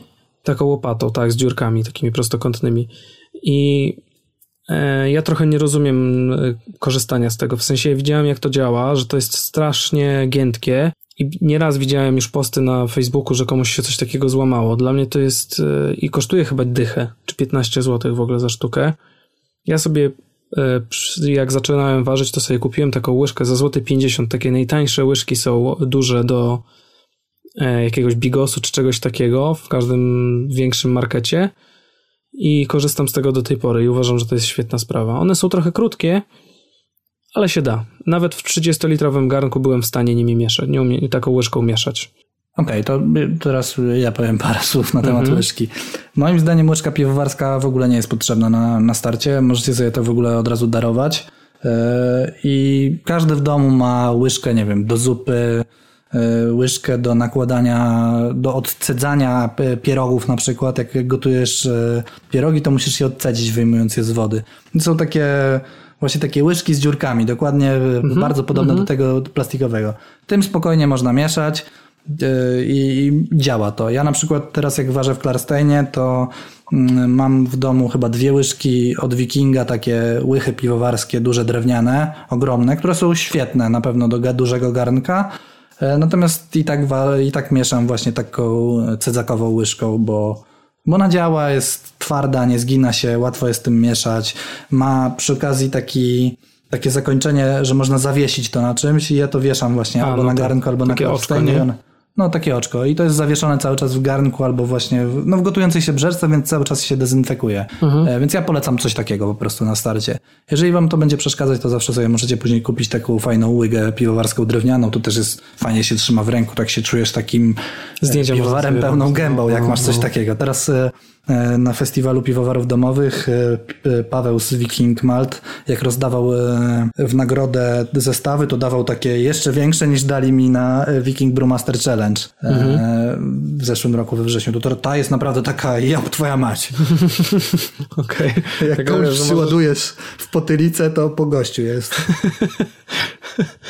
Prawie jak shaker. E, tak. No dobrze, więc e, po raz kolejny to zależy i sami sobie musicie zdecydować. Teraz ważna rzecz, e, dosyć jeżeli chodzi o, o zacieranie na pewno, czyli termometr. W tych zestawach e, startowych zwykle dostajecie takie termometry alkoholowe, takie powiedzmy analogowe, takie z, ze skalą i czerwony, czerwona cieczka. Rtęciowe one są. Alkoholowe, co ty, rtęciowych To już się nie produkuje. Aha, no dobra, so- sorry. To jest alkohol zabarwiony na czerwono po prostu. Okej, okej. I, e, no i on, i on wam pokazuje po prostu term, tempo, ter, temperaturę. Y, Ja takiego nigdy nie miałem, termometru. Ja miałem. E, No, i- no i jak twoje wrażenia? Wiesz co, no e, wiadomo, że ten termometr nie jest idealny. No.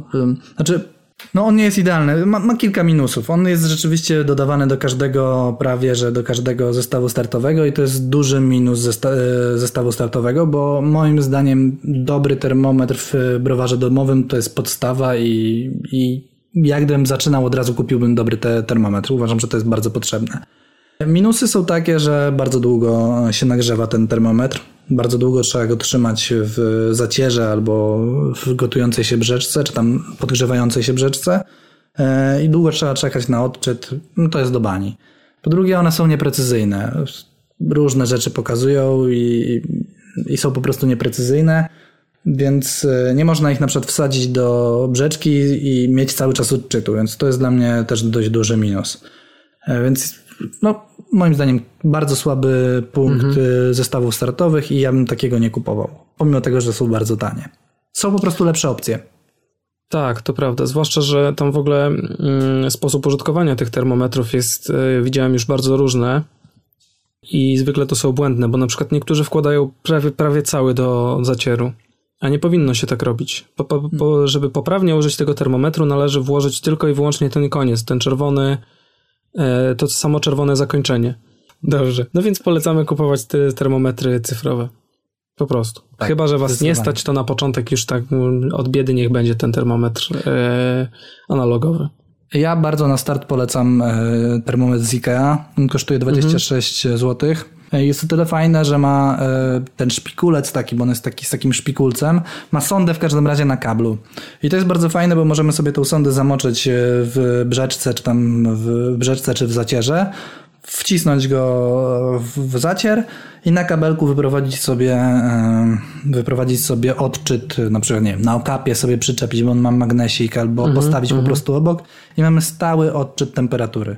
I to jest bardzo fajne, to jest bardzo bardzo ułatwiające życie, więc ja polecam ten termometr ze względu na to, że jest bardzo praktyczny, a dwa, że jest dość tani. No 26 zł to nie jest dużo. To prawda. O termometrach mówiliśmy więcej z tego, co pamiętam przy odcinku o fermentacji, także jakby ktoś chciał, to niech sobie wróci. I Dokładnie. ty tam pamiętam, że dużo opowiadałeś o tym termometrze z IKEA. To ja już nie pamiętam, ale E, no dobra. E, termometr był do zacierania, no ale jak już e, żeśmy zatarli to nasze, tą naszą brzeczkę, ten nasz słód, to wypadałoby to przefiltrować. No i teraz mamy dwie szkoły tak naprawdę, czyli szkołę pierwotną, a mianowicie e, wkład filtracyjny, czyli po prostu wiadro, w które miało, ma nawiercone otwory, albo e, osławiony e, sracz wężyk, który według Tomka Kopyry był rewolucją w, piwo, w, pol, w polskim piwowarstwie domowym. Ja bardzo wierzę w naszego prezesa PSPD Artura Kamińskiego. On mówi, że filtruje się tylko przez całą swoją karierę piwowara domowego, która skończyła się kilka lat temu. No, On cały czas filtruje przez wiaderko, przez wkład filtracyjny, więc tylko wkład filtracyjny. aha, no dobrze, to, i to jest twoje zdanie, rozumiem. Już, już Nie, no, na, na prezesa, tym sko- prezesa. kończymy. A, dobrze, przepraszam. Pozdrawiamy oczywiście, mamy nadzieję, Bardzo, że tym razem przy bieganiu e, się nie skończy odcinek w połowie biegania. Może odpiszę nawet na maila, którego tydzień temu mu napisałem. Artur, odpisuj na maile. Stosowałeś w ogóle kiedyś taki wkład filtracyjny? Nie, nie stosowałem. No, więc jest to metoda, która przysparza właściwie chyba więcej problemów niż e, zalet. E, obaj chyba polecimy sracz wężyk, czyli po prostu Tak, taki... ale trzeba powiedzieć, jakie no. są minusy tego wiaderka, no bo to minusy są Okej. takie, że te dziury, dziurki, czy tam szparki, czy jakkolwiek to nazwać w tym wiaderku są dość małe i jest ich dość mało, więc y, ten, ten, ten to wiaderko lubi się zatykać. Jeżeli zrobimy jakieś y, bardzo, bardzo drobno z, ześrutujemy słód na przykład, albo sklep nam tak ześrutuje, to po prostu śruta się lubi powbijać w te, w te dziurki i ona po prostu brzeczka nie będzie leciała. I to jest duży minus. Drugim minusem jest to, że trzeba się bawić w jakieś podbicia, czyli najpierw nalać gorącej wody, e, później dopiero wkładzić, wsadzić ten wkład, żeby to się zassało i tak dalej, i tak dalej. Więc jest kilka rzeczy, o których trzeba pamiętać i na początku moim zdaniem jest to po prostu trudne. Będzie też kilka innych rzeczy. Przytrafi wam się masa rzeczy na początku, które pójdą nie tak, jak było napisane, albo nie tak, jak my mówiliśmy, albo nie tak, jak Tomek pokazywał. E, I będzie naprawdę kilka rzeczy, które trzeba będzie rozwiązać, więc moim zdaniem trzeba sobie na początku ułatwiać życie, a takim ułatwieniem jest z pewnością e, sracz wężyk. Tak, to prawda. No więc e, sracz wężyk to jest po prostu oplot e, z takich wężyków, które e, w każdym chyba mieszkaniu doprowadzają wodę do spłuczki, do sedesu. I teraz, żeby taki sracz wężyk sobie zrobić, trzeba po prostu usunąć z, wewn- z wnętrza tego oplotu taką gumową rurkę. No i na to jest mnóstwo 1500-100-900 metod, jest mnóstwo filmików na ten temat. Pewnie jakieś wybierzemy przed publikacją i wrzucimy do opisu filmu, żebyście sobie zobaczyli, jak taki sracz wężyk sobie przygotować w domu. E, Na pewno bardzo, bardzo mocno ułatwia on filtrację i, i ja bardzo polecam. Ja do tej pory mam swój pierwszy sracz wężyk i działa. Polecam też kupić po prostu gotowy, dlatego że A no tak, też są. Mhm. są gotowe w sklepach piwowarskich i one kosztują około 20 czy tam 15 zł, a e, w sklepie takim budowlanym, nazwijmy to, czy z rzeczami taki, tego typu, on kosztuje chyba 12-13 zł. Więc różnica jest niewielka, a macie jeden problem z głowy, więc ja bym sobie nie, oszczędził tego problemu i kupił gotowy akurat w tym przypadku. Kolejną rzeczą, którą, o której będziemy rozmawiać, jest waga. Na szczęście większość ludzi wagę w domu ma, e, czy to do odmierzania mąki na ciasto, czy coś takiego, także to nie jest jakiś e, super duży wydatek. E, Ja tylko musiałem sobie dokupić wagę taką jubilerską małą do odmierzania chmielu. Nie wiem, czy ty sobie, czy ty ważysz chmiel na dokładniejszej wadze niż taka kuchenna, czy... Wiesz co, ja kupiłem sobie taką wagę jubilerską, ale całkiem niedawno. Wcześniej ważyłem e, na właśnie takiej kuchennej, ale odradzam. Znaczy, na początku spoko, wystarczy ta waga taka kuchenna do 5 kg, która pokazuje po prostu co gram, teoretycznie przynajmniej. E, Ona po prostu ma taki minus, że pierwsze 10 gram, gramów pokazuje bardzo słabo. E, W sensie te wahania są różne. Można czasami 5 razy stawiać na tą wagę tą samą ilość chmielu, wsypywać i za każdym razem pokaże co innego. To tak jak w tym tym, w, w misiu chyba jest. No. To jest komputer. Może pan wpisywać tam co tylko chce. On i tak pomyli się w dodawaniu. Dokładnie to samo.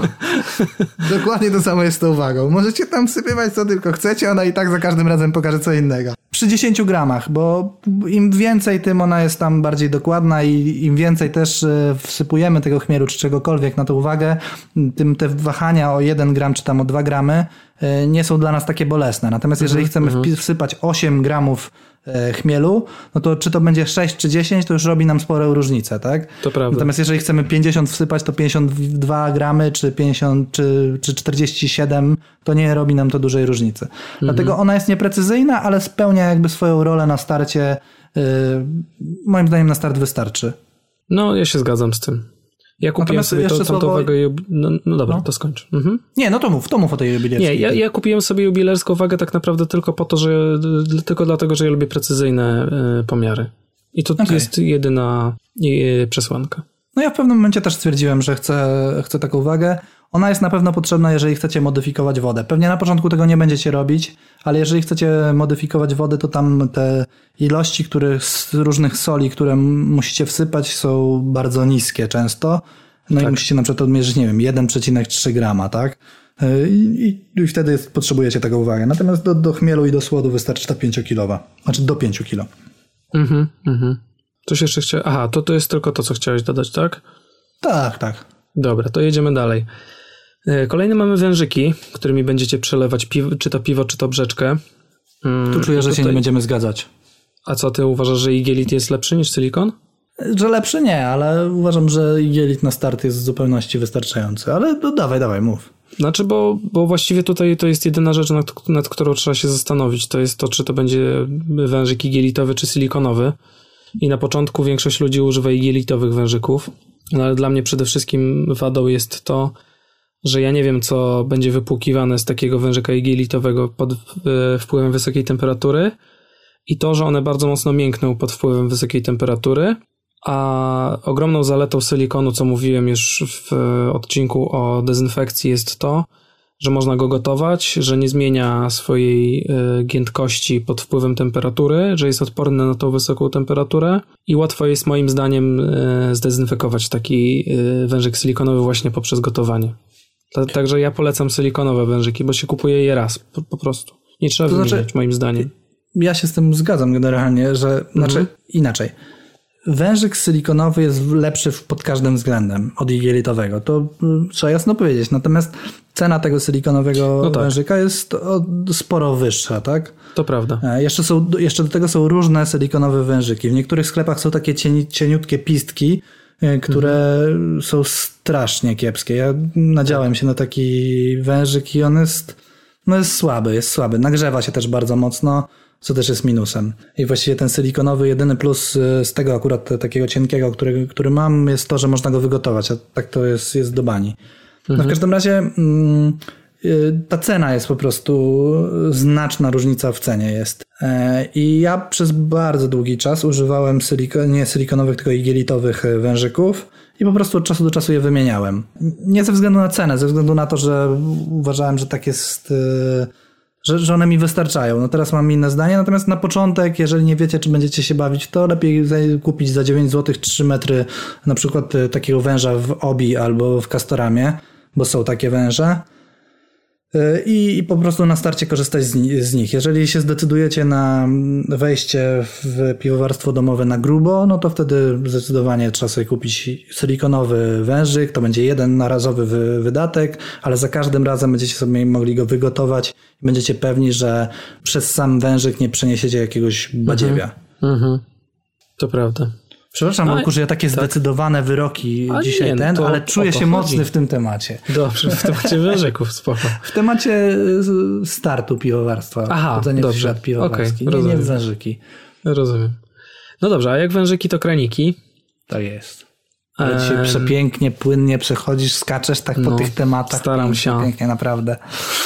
Dziękuję. Dziękuję Akademii e, za to wyróżnienie. I Bogu. E, I Bogu. Kraniki. Kraniki. Właściwie jeżeli chodzi o kraniki, to chciałem tylko powiedzieć, że są potrzebne. Na pewno, szczególnie do butelkowania. Tak. E, I nie, nada, nie nadziejcie się, tak jak ja któregoś razu, na takie kraniki, które mają dwie uszczelki. One są do dupy. O, nie E, wiedziałem tego. E, Są takie kraniki, które mają dwie, dwie takie uszczelki. One są tańsze niż te takie normalne, bo te normalne kosztują 12 zł, a ten, ten z dwoma uszczelkami kosztuje 9. I on jest bardzo, bardzo słaby pod względem tego, że te dwie uszczelki są z jakiegoś takiego bardzo miękkiego mm, plastiku wykonane i trudno się tam e, z, z tym wężykiem obchodzi. Ja z niego korzystam do bretów, ale nie jest to fajna rzecz, nie polecam. Okej, okej. Najlepsze są te za pewno 12 potrzebujecie. zł. Tak. To lecimy dalej, no. Yy, następne mamy butelki. I to jest chyba bardzo duży problem początkujących piwowarów. Przynajmniej był za moich czasów, jak ja zaczynałem. To myślę, że zależy ile masz lat i jak, jaki masz tryb życia, bo jeżeli jesteś studentem i dobrze dajesz w palnik, to myślę, że k- kolegów, którzy równie chętnie i często dają w palnik, jest wielu. No może i Myślę, tak. że po jednej imprezie masz wtedy butelki. Natomiast jeżeli jesteś już takim spokojniejszym studentem tuż przed y, magisterką i, i siedzisz i piszesz, a nie y, dajesz palnik, to wtedy rzeczywiście może to być problemem. Tak, znaczy ogólnie akademiki polecam ze swojego doświadczenia, jeżeli chodzi o zdobycie e, butelek na, na piwo. Ewentualnie puby. Mm, Tam zwykle jest tak, że tego piwa butelkowego trochę schodzi i zawsze możecie poprosić w jakimś zaprzyjaźnionym pubie, żeby wam odłożyli skrzynkę i będziecie mieli e, bardzo dobre butelki do tego, żeby przelać w nie piwo. Tak, tym bardziej, że często za barem też stoi piwowar domowy i wie o co chodzi generalnie. Tak, I wam tak. wypłucze jeszcze te, te butelki, jak będzie miał dobrą wolę i dostaniecie właściwie po dwóch Karton. dobach. No. Dokładnie. Ogólnie na pewno nie polecamy, chyba się ze mną zgodzisz, że nie, że nie polecamy kupowania butelek. Nie świeżych. polecamy. Nie, bo to jest to, to akurat Wydawanie jest pieniędzy niepotrzebne. No, bez sensu. Jak macie, na przykład znacie panią Kazię z, ze sklepu pod, y, pod blokiem, czy tam y, we wiosce, y, to pani Kazia też z pewnością będzie odkładać. Tak. No, trzeba się po prostu zakręcić gdzieś wokół Tak, trzeba butelek, trochę no. pochodzić, no i ten, ale bez problemu myślę, że teraz w obecnych czasach przy tak dużym zasypie kraftów spokojnie jesteście w stanie e, znaleźć butelki, a gwarantuję wam, że w którymś momencie będziecie mieli ich tyle, że nie będziecie mieli, wiedzieli co z nimi zrobić. Dobrym źródłem, jeszcze teraz sobie tak przypomniałem, dobrym Mhm. źródłem e, butelek jest, są konkursy piwowarskie też. A, tak. Dlatego, że Mhm, mhm. przy organizacji i przy polewaniu tych piw, szczególnie te duże konkursy, nie ma co robić z tymi butelkami, wyrzucanie ich do śmieci też jest ciężkie, bo to dużo waży, jak masz do wyrzucenia 200 butelek na przykład. Więc y, dobrze jest się zgłosić e, do jakiegoś konkursu, znaczy do, do organizatora i powiedzieć, że zabierzecie butelki. One są też świeżo opróżnione, więc jeszcze nie zdążyło pozasychać to, to całe badziewie. Mhm. Jest tam z nie spleśniało w środku. Dokładnie. prawda? Odbieracie, myjecie na szybko, w sensie płuczecie i właściwie później wystarczy zdezynfekować, nie musicie ich myć. Dokładnie tak.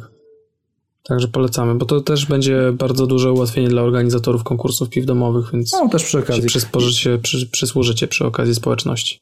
Ja na początku, jak ważyłem, to dogadałem się z kumplem. e, Nawet kiedyś pisałem na fanpage'u, że butelki zapewnia Leszart and, e, and Brothers. Firma Leszart and Brothers. Bo, bo właśnie kumpel zbierał mi po, po swoich imprezach i bracia mu też przywozili. Ja miał tych braci chyba ze czterech, więc, e, więc tych butelek zawsze jeździłem do niego i cały bagażnik miałem wypakowany butelkami. W zamian dawałem mu oczywiście browarek, więc wszyscy byli zadowoleni. Mhm. Ja polecam taką metodę, jeżeli będziecie mówili znajomym, że dajecie na przykład piwo za butelki, to polecam nie szaleć z ilością butelek z piwem, bo jak powiecie na przykład, że dajecie jedno piwo za cztery butelki, to, to, to będzie tych, będziecie mieli tych butelek pustych bardzo dużo, bo wszyscy ochoczo będą je oddawać. Więc ja proponuję ustalić taką cenę e, za 10 butelek jeden browar. I to jest taka bezpieczna, bezpieczna Okej. granica. Spoko. E, No ja po akademiku chodziłem po prostu. Bo jeszcze No, wtedy też- miałem też e, znajomych w akademiku i, i po prostu pochodziłem po znajomych i jakoś tam się udało te butelki w końcu em, sobie zorganizować.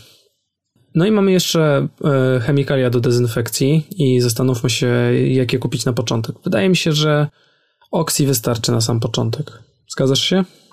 Chyba się zgadzam. Wiesz, to mi jest ciężko mówić o chemikaliach do dezynfekcji, bo ja bardzo szybko kupiłem Starsan e, i dopiero niedawno go zużyłem i kupiłem nowy, więc e, Więc tak, Oxy jest w miarę tani, w miarę skuteczny, więc na starcie jak najbardziej tak. Jak się wkręcicie, to kupicie sobie, moim zdaniem, najlepiej kupić Starsan yy, i on starczy do, do końca waszej kariery piwowarskiej pewnie w większości. Yy, więc, ale Oxy jest tani i, i przez dostępny w internecie na przykład można kupić na Allegro bez problemu, bardzo tanio, dużo. Mhm. A jak ktoś chce więcej o środkach do dez- dezynfekcji, to zapraszamy do naszego pierwszego odcinka, w którym rozmawialiśmy o myciu i dezynfekcji sprzętu.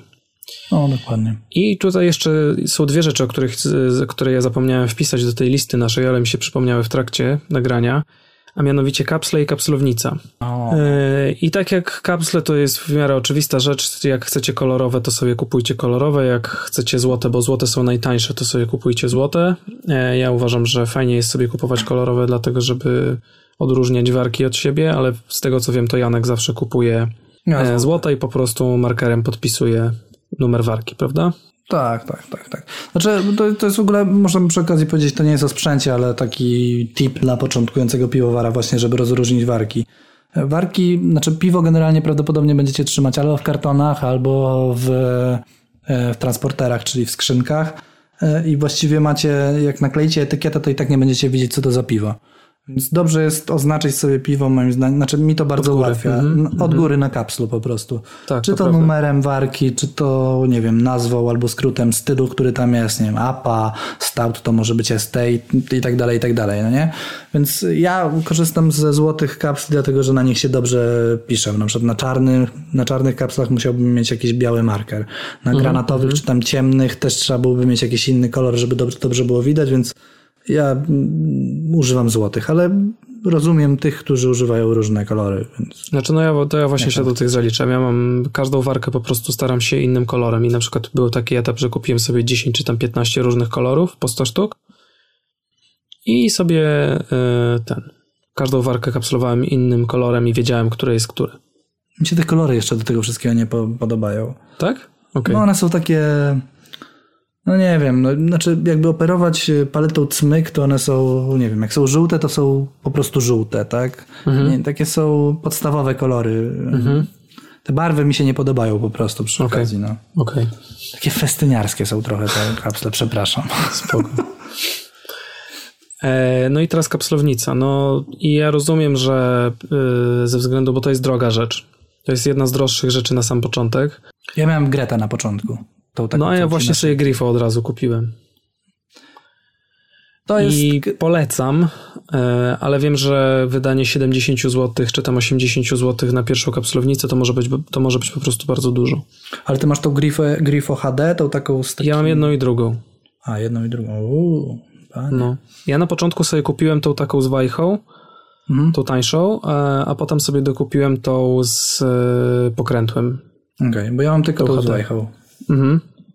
Już się przyzwyczaiłem i myślę, że ta Grifo HD by mi nie ułatwiła życia. W sensie już po prostu mam taki system tego kapslowania, że nie wierzę, żeby, można było to robić szybciej. E, No okej. No i u mnie to ja to miałem przy pierwszym kapslowaniu, to było wow. Mhm, no y, no okej, okej.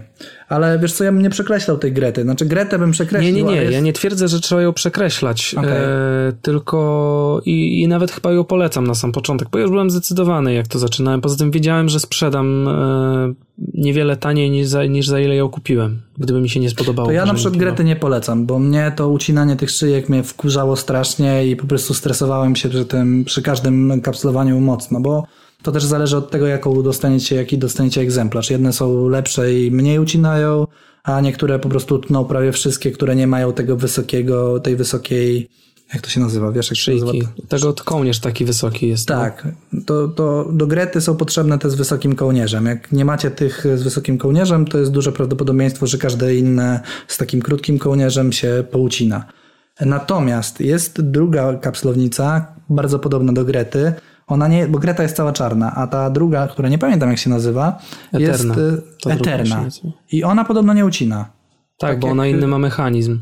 W sensie No tam e, ta w Grecie są takie blaszki, które są skierowane prostopadle do szyjki, a w Eternie te, te, blaszki są równolegle.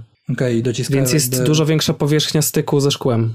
I nie ma naprawdę, tak naprawdę za bardzo jak przeciąć tego, szkła. No to, to na forach i, i na grupach na Facebooku bardzo polecają tą, tą i mówią, że tą Eternę, tak? Eternę. Mhm, mhm. I Ona mówią, jest że ona nie tnie. No i ona jest chyba tańsza w ogóle od Grety, parę złotych. Chyba tak, chyba tak. To, to ja na początek ją polecam. Jak najtaniej kupić kapsulownicę, taką, która nie będzie ucinać e, szyjek, to, to spoko. Bo jak kupicie tą Eternę, to ją później też sprzedacie albo oddacie jakiemuś piwowarowi, bo to jest tanie i kupicie sobie ewentualnie lepszą.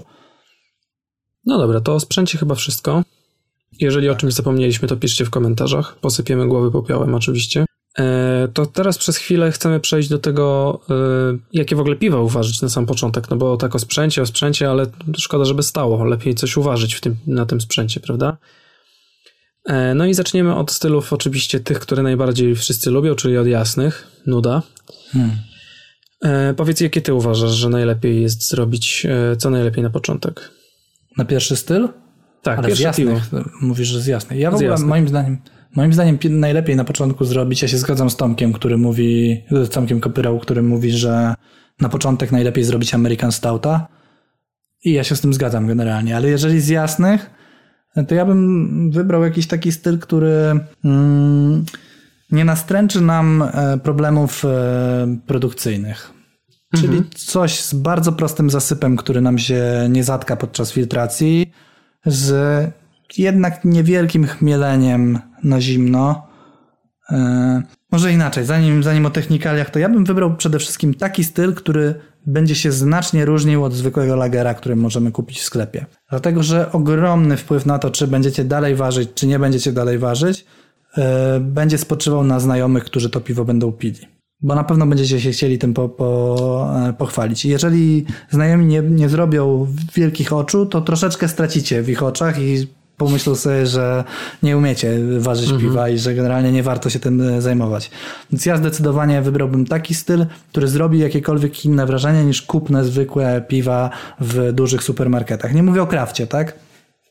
Mm, Więc ja chyba bym celował w jakąś taką apę, ale w taką apę, która będzie delikatnie chmielona na zimno. Okej, no ja się właśnie z tym zgadzam, że, że chyba właśnie APA będzie e, na początku najlepsza. Po prostu American Pale Ale, e, jakiś prosty zasyp, e, nie wiem, 95%. 100% pilsa albo... Albo no. no. i 95% pilsa, 5% jakiegoś jasnego karmelu. Nie, dobra, 5 tutaj przesadzam, 3. Jakieś, jakieś chmiele amerykańskie, takie evergreeny, czyli Citra, nie wiem, Galaxy, Amarillo. Ja jeszcze powiem, wiesz co, jeszcze powiem tak, Tak. że e, na start polecam kupić zestaw startowy. e, Do W sensie recepturę gotową, tak? Recepturę gotową. Zdecydowanie tak, dlatego że tam po pierwsze będziecie mieli odważone wszystkie e, słody, będziecie mieli odważone, odważone chmiele i to na porcje, które musicie wrzucać. Nie będziecie musieli w ogóle nic ważyć. Wtedy wam waga w ogóle jest niepotrzebna, tak, tak a propos. E, więc y, macie wszystko przygotowane, musicie je wrzucić tylko do garnka, nie musicie nic ważyć, nic śrutować, wszystko jest gotowe. E, więc y, ja polecam coś takiego wybrać, e, bo te, te receptury zazwyczaj są dobre, albo nawet bardzo dobre, tylko trzeba je dobrze wykonać, więc połowę sukcesu macie ze sobą, bo macie dobrą recepturę. No może nie połowę, może 20%. Tak, no ja zaczynałem od takich receptur. No ja też, ja też chyba pierwsze trzy zacierania albo pierwsze cztery zacierania miałem gotowy e, zestaw kupiony. Bo ja pamiętam, że na starcie, jak, jak myślałem o, o tych wszystkich recepturach, myślę sobie, kurde, jak oni to wszystko pamiętają, jaki słód wrzucić, jak, jak to się w ogóle No, no, nazywa. To dla mnie była jakaś czarna magia. E, Łukasz Kojro kiedyś powiedział taką rzecz w jakimś wywiadzie albo w jakimś wykładzie właśnie, że e, dobrego piwowa, że jak on zaczynał, to, e, to chodziła taka, nie wiem, złota myśl, która mówiła o tym, że prawdziwego dobrego piwowara poznasz po tym, że orientuje się po numerach e, drożdży Łajesta, Aha, no które tak, do czego służą i wiedzą, jak się co to za szczep. I, I coś w tym jest, dlatego że ja teraz rzeczywiście pamiętam znaczną większość tych, e, tych szczepów. I, właściwie recepturę jestem w stanie w głowie ułożyć, tak? I wie, wiem ile czego wrzucić. Natomiast na początku to była dla mnie czarna magia po prostu. Bo jest tego teraz, teraz jeszcze, 4 lata temu jeszcze tego tyle nie było, a teraz jest po prostu taka, taki multum słodów różnych, specjalnych, że można zwariować po prostu. To prawda. Mhm. Ja na przykład od jakiegoś czasu marzę o tym, żeby zrobić sobie serię piw y, z różnymi słoda- słodami karmelowymi, żeby zobaczyć, co te słody karmelowe wnoszą, ale nigdy nie mam czasu, bo tych, tych słodów karmelowych to jest 1500-1900. Chciałbym, ale się nie da chyba za bardzo. No dobra, a z ciemnych to rozumiem, że American Stout byś chciał, tak? Y, American Stout albo Milk Stout.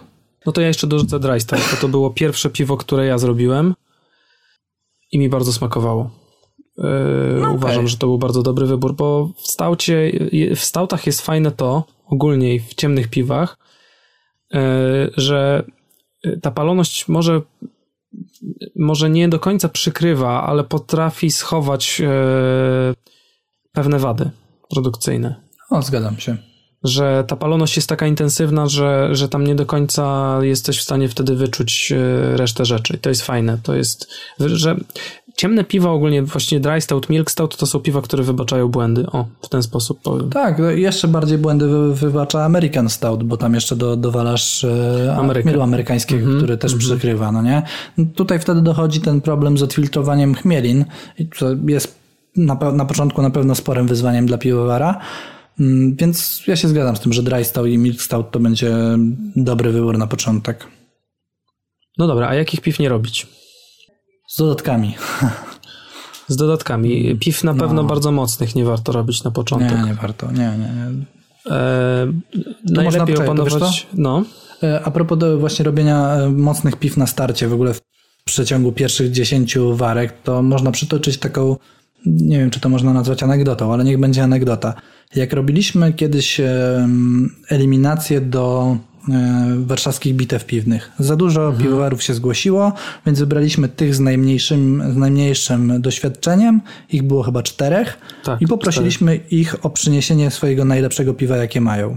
Ci, ci ludzie mieli około 8-10 warek, to był taki przedział. Dwie osoby przyniosły, jedna osoba jakąś apę, druga jakiegoś bitera chyba i dwie osoby przyniosły bardzo mocne piwa, jakieś jedno jakieś świąteczne i ktoś jakiegoś risa przyniósł. No i te, te osoby, które przyniosły te mocne piwa, bo wydawało im się, że to jest takie robiące wrażenie, odpadły z tego względu, że w mocnym piwie bardzo ciężko na początku ustrzec się pewnych, e, pewnych błędów.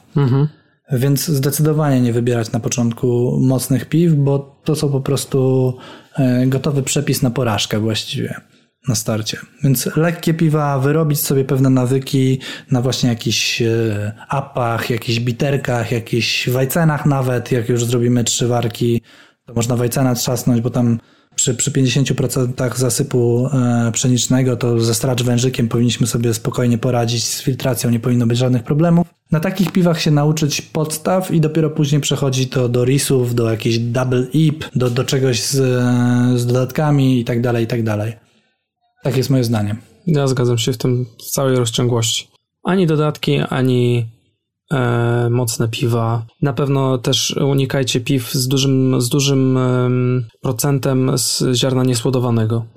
E, No dokładnie tak. e, Żeby, żeby jednak ta filtracja była łatwa, bo można łatwo się zrazić, jeżeli ta filtracja na przykład, nie wiem, wam ciurka e, litr na pół godziny i całą noc się trwa filtracja, to to nie jest przy, nic przyjemnego.